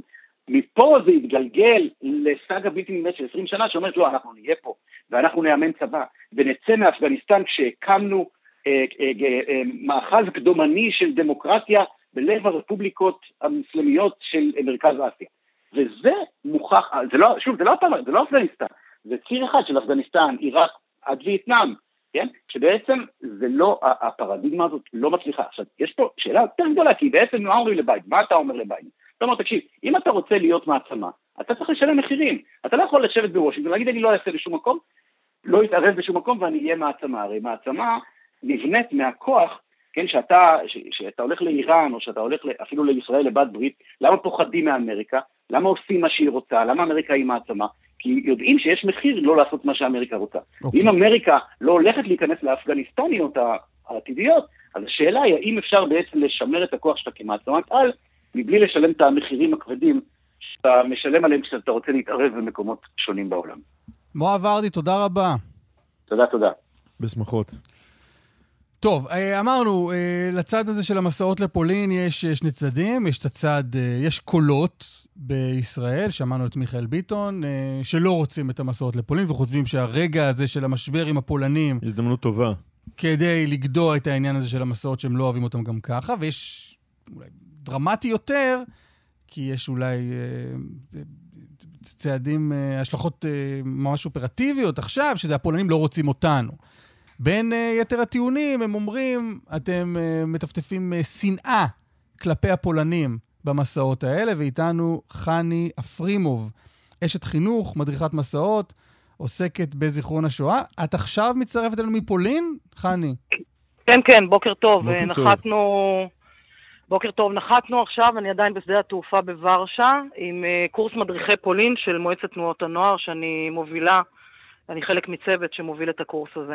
משהו מכל האווירה הזו רלוונטי למה שקורה איתכם? אתם, המסעות מול הפולנים הכל נמשך כרגיל כרגע? מבחינתנו, מבחינת לוגיסטיקה, מבחינת מקומות שנבקר, אין שום שינוי ואין לנו שום הוראות מיוחדות. אפילו החברים והקולגות מאוד שמחים שהגענו. אה, וגם לא קיבלנו איזשהו משהו מיוחד. אה, מה שכן משנה זה שאנחנו לא יודעים, אני רגע מפרידה קורונה. אה, אנחנו עושים קורס מדריכי פולין שמכשירים מדריכים, שאם הכל יהיה בסדר מבחינה בריאותית, השאלה מה יהיה עם הדבר הזה, עם הנושא הכל כך חשוב הזה של המסעות לפולין. אה, וזה משהו שכן אה, אנחנו דואגים, כלומר זה משהו שבאווירה של הקורס זה קיים בימים האחרונים. עוד רגע נדבר על הפולנים, אבל מכיוון שדיברנו לפני זה עם אה, חבר הכנסת מיכאל ביטון, זה צד אחר ש, שמתנגד למסעות האלה. מה את אומרת, ואת מכירה את הקולות האלה כבר הרבה שנים, קולות של לא, מי ש... כן. מה את אומרת, מה את עונה למי שאומר אפשר, אפשר להסתדר וללמוד גם מכאן, לא צריך לנסוע לשם בשביל זה? אני חייבת להגיד, א', לא שמעתי את מיכאל ביטון, מה שהוא אמר, אה, אבל אני מכירה את הקולות גם כשהייתי ארבע שנים מרכזת מטה משלחות הנוער לפולין. אה, אני תמיד אומרת שלפני יום הזיכרון לשואה לבשתי שכפ"ץ, כי אז הקולות האלה גברו. קודם כל, אה, אני חושבת שזה מפעל חינוכי וערכי מהמעלה הראשונה. אני חושבת שזה לא סתם לימוד שיעור בהיסטוריה. למדנו, עשינו מבחן בגרות והלכנו הלאה. אמ, אני, כשאני מובילה מסעות של בני נוער, אה, האחריות היא על הזיכרון, אבל לא רק על הזיכרון. מבחינתי, מסע לפולין, בתוך התהליך הזה שהוא בהכנה לארץ ובלמידה, אה, מתחיל בחקר של המשפחה שלך, ולאו דווקא אם היית בפולין. אה, אם היית מצפון אפריקה ומה שקרה למשפחה שלך, ואיך היית, מה קרה ביוון או במקומות אחרים. וכשאני מגיעה למסע לפולין, אני מבקשת לדבר על החיים. אני אה, אישה חילונית, אה, החניכים שלי לא תמיד הם אה, מסורתיים או דתיים, וזה לא רלוונטי, אבל אני אסביר רגע למה זה כן רלוונטי.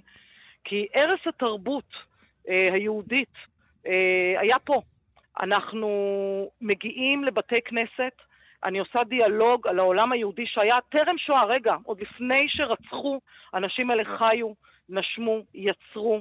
אה, כשאני השבוע אגיע עם הקורס מדריכים לקבר המהרש"ל או לרב שכנה או בישיבת חכמי לובלין, ומצד שני אגיע למקומות שתנועות הנוער פעלו בהן.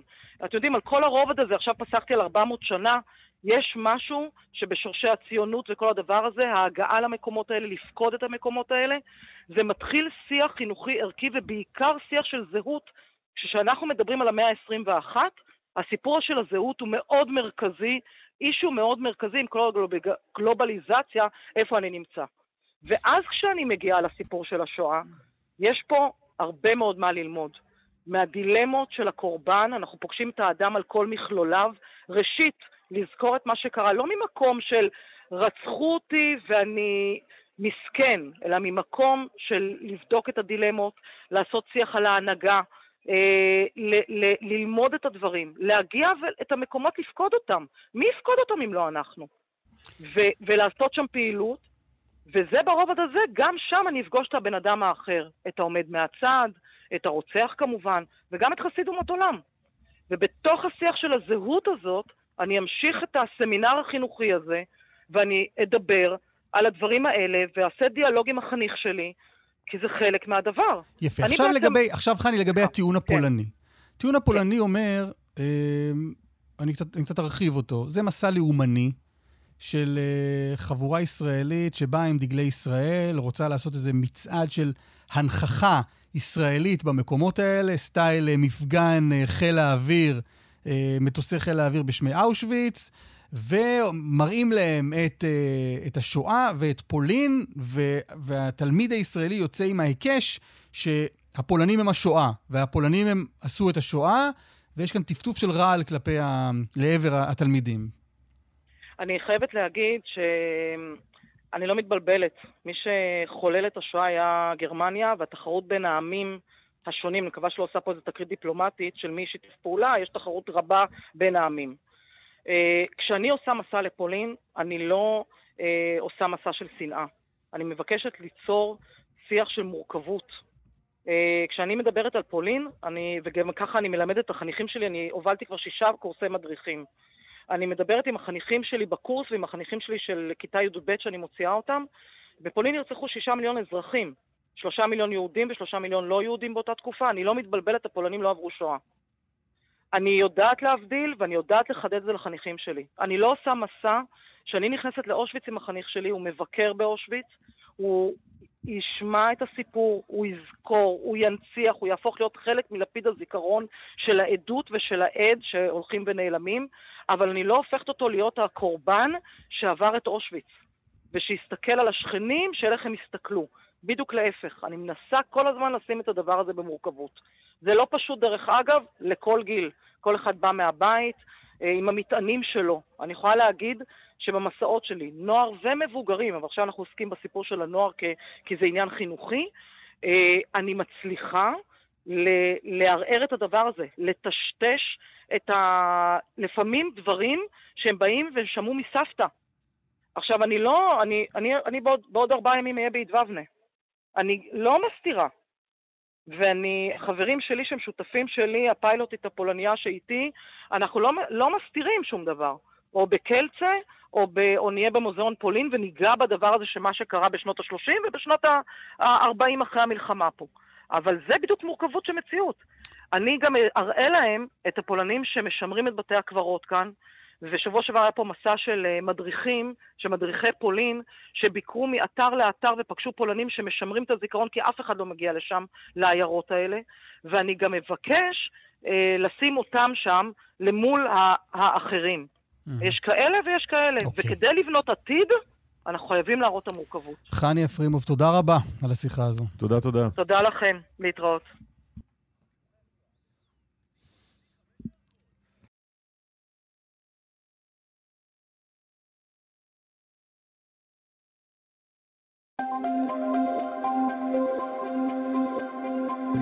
בדרך אשדוד תל אביב עמוס ממחלף גן רווה עד מחלף חולון מזרח, בגאה צפונה עמוס ממחלף השבעה עד גבעת שמואל, דרומה ממורשה עד מחלף אם המושבות, עוד דיווחים, כאן מוקד התנועה כוכבי 9550 ובאתר. פרסומות ונחזור. איתנו. אה, מירי, נכון? מירי או לירן? מי איתנו? לא הבנתי. לירן, לירן, לירן חודנוב, שלום. שלום חברים, בוקר טוב. כתבי ענייני חינוך, מה קורה? Uh, קורה הרבה, אתם יודעים, אתמול בלילה הופתעו uh, לא מעט uh, ממורי ומנהלי ותלמידי ישראל לגלות שיש שוב מתווה חדש.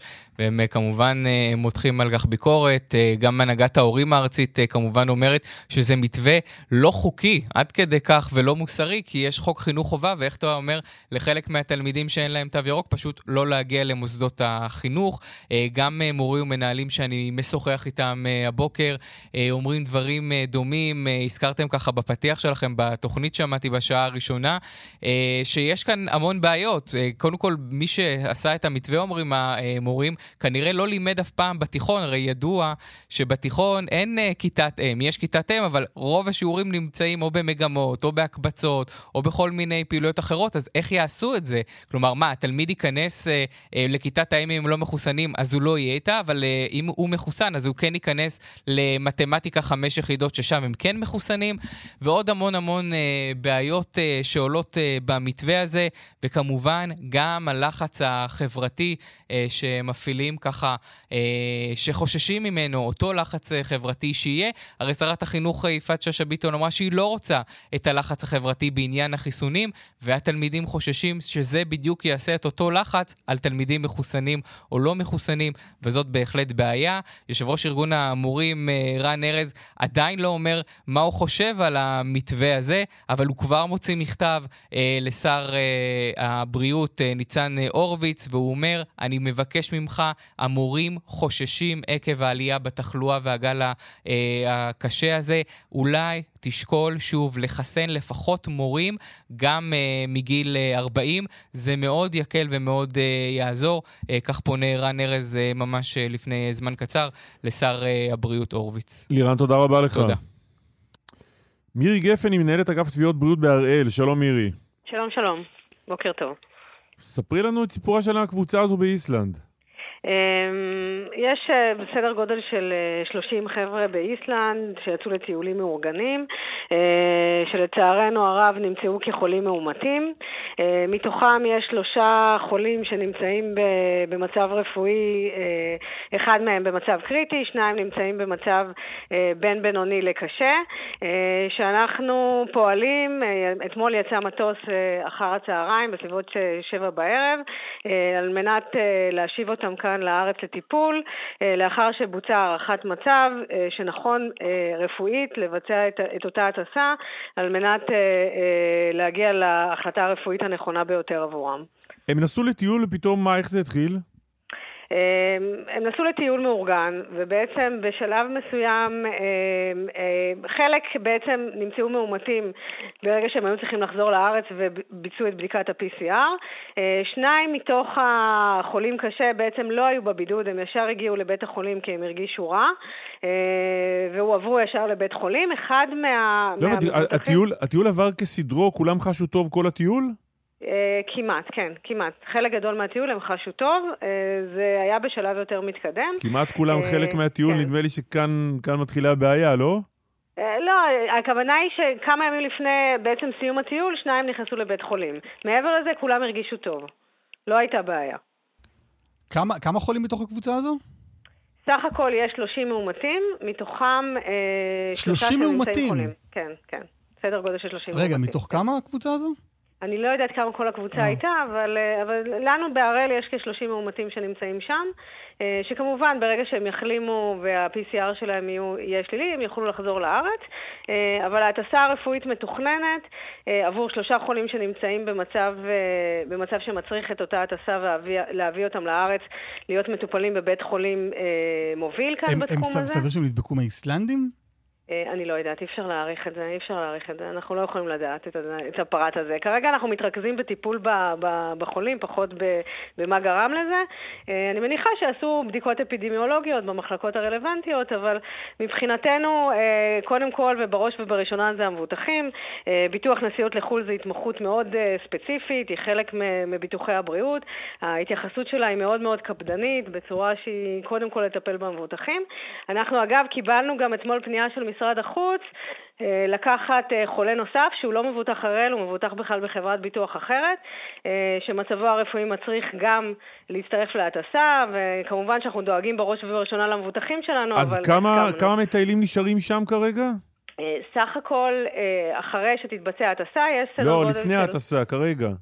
כרגע יש 34 חולים. אה, כל הקבוצה של... נמצאת שם כן. כרגע. ואתם הולכים להטיס כן, את, את ה... מי שחלה באופן קריטי, במצב קריטי, הוא, ש... הוא כן, טס לארץ. כן, מי שמצבו, כרגע האישור של משרד הבריאות זה רק למי שהמצב שלו מצריך את הטסה לארץ. כל האחרים, כל האחרים שמצבם טיפה יותר טוב, ימתינו לא, שם לא עד שהם יצאו, לא עד שהם יצאו שליליים? כן, הם לא חולים בכלל, הם מאומתים, הם נמצאים בבתי המלון, וברגע שה-PCR שלהם שלילי, כל אחד בזמן שזה יהיה, אנחנו כל כמה ימים, אנחנו כמובן עוקבים אחריהם בצורה קפדנית, כל כמה ימים הם מבצעים בדיקת, בדיקת PCR, וכל אחד, ברגע שה-PCR שלילי, יכול לעלות לטיסה מסחרית ולהגיע כאן לארץ. אין, אין להם, הם לא חולים ואין להם סימפטומים.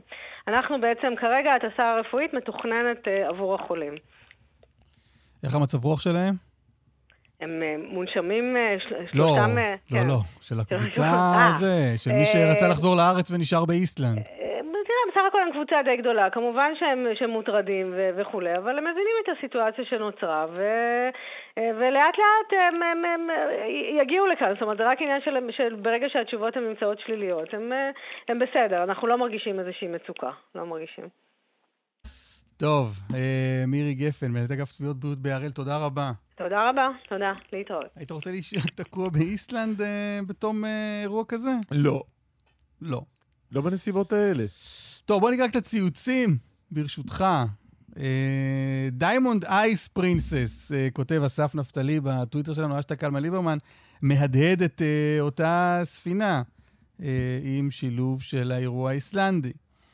אה, מלא תגובות על ענייני פולין, מלא, בעד ונגד המסעות לפולין. אה, נקרא קצת. שי כותב, אה, המסעות לפולין הם בעייתיים אפילו מנקודת ראות ציונית. זוהי עלייה לרגל לאתרים לאומיים, אבל שנמצאים במדינה אחרת. לא בטוח שהבנתי את הטיעון הזה. תחמושת למתנגדי הציונות. מה? אתה מבין את הטיעון? לא. אם יש אירוע, אם יש אתרים שקשורים לציונות, בין היתר, במדינות אחרות, לא ניסע, כי זה אומר שאנחנו לא... שורשינו לא מפה. נו. קריאתי בגלות כותב, ניתן לסכם את הדיון במסעות לפולין בציטוט, בציטוט של יגאל אלון, עם שאינו יודע את עברו, להווה שלו דל ועתידו לוט בערפל. הדס כותבת שהיא מסכימה עם חבר הכנסת מיכאל ביטון, למה חייבים לטוס לפולין בשביל להעביר לבני הנוער את מסר השואה? נניח בצד את השאלה האם בני הנוער מתאימים לסוג מסע שכזה, אבל למה הפולנים צריכים להרוויח מתיירות השואה? אוקיי. בנימין כותב, רק אחרי ביקור בפולין מבינים את משמעות השואה. סיפורים של ניצולים זה כמו טוב, בואו לא, בוא לא נלך... בועז כותב, אם המסע לפולין היה כולל טיסה, מחנות השמדה וחזרה מיידית, ניחא, אבל כל המסביב של הטיול לפולין יוצא שכרו בהפסדו. אני חושב שהמסביב תלוי במי שמארגן את הטיול הזה. נכון, ובמשתתפים, כן. דלתא פלוס כותב, ביטול המסעות לפולין יהיה טעות גדולה, התזמון של המסע שנה לפני הגיוס נותן בדיוק את ההקשר של למה אנחנו צריכים מדינה וצבא, ואין לימוד או חוויה שיחליפו את זה.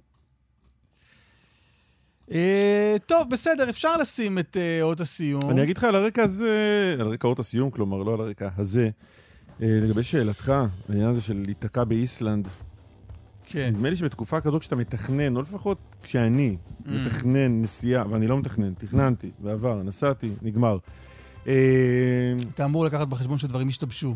כן, ואז אתה אומר לעצמך, אוקיי, אם אני נוסע לאיזה מדינה מסודרת בסך הכל, כזו שאם חס וחלילה אני נדבק באיזה AY פלוס, יש שם בית חולים סביר או לא סביר או טוב, אתה אומר זה עניין אחד.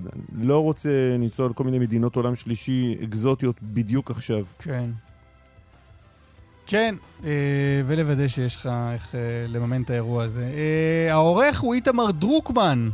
ידעת את זה? לא, אבל אני שומע. הנה. כל הזמן לומד דברים חדשים. המפיקים הם אלי גאנה ואביגל בסור. זה ידעתי, זה ידעתי. כן, חיים זקן על הביצוע הטכני, אהוד כהן ממוקד התנועה. תסתכל לראות מאחורי הזכוכית מי נכנס, כדי לדעת מי להגיד שבא אחרינו. אה, תראה, תמר אלמוג נכנסה, אני לא יודע אם נכנסה כי היא עברה פה במקרה או כי היא מחליפה אותנו, לא יודע. תמר, את לא משמרת עכשיו? מחליפה. מתחממת על הקווים כרגע. לא, זה כמו, אתה יורד משמירה, אתה מחכה שיחליפו אותך, אז אתה רואה מי בא. אבל כשאתה יורד משמירה, לא אכפת לך מי מחליף אותך. כן, לא, רק שיבוא. שיבוא. אז אתה מוודא, אם האיש שנכנס הוא באמת זה שבא להחליף אותך. אה, תמר אלמוג תהיה פה עם אה, סדר יום, ממש עוד אה, רגע קט. קלמן ליבסקין, תודה רבה לך. אסף ליברמן, להתראות מחר.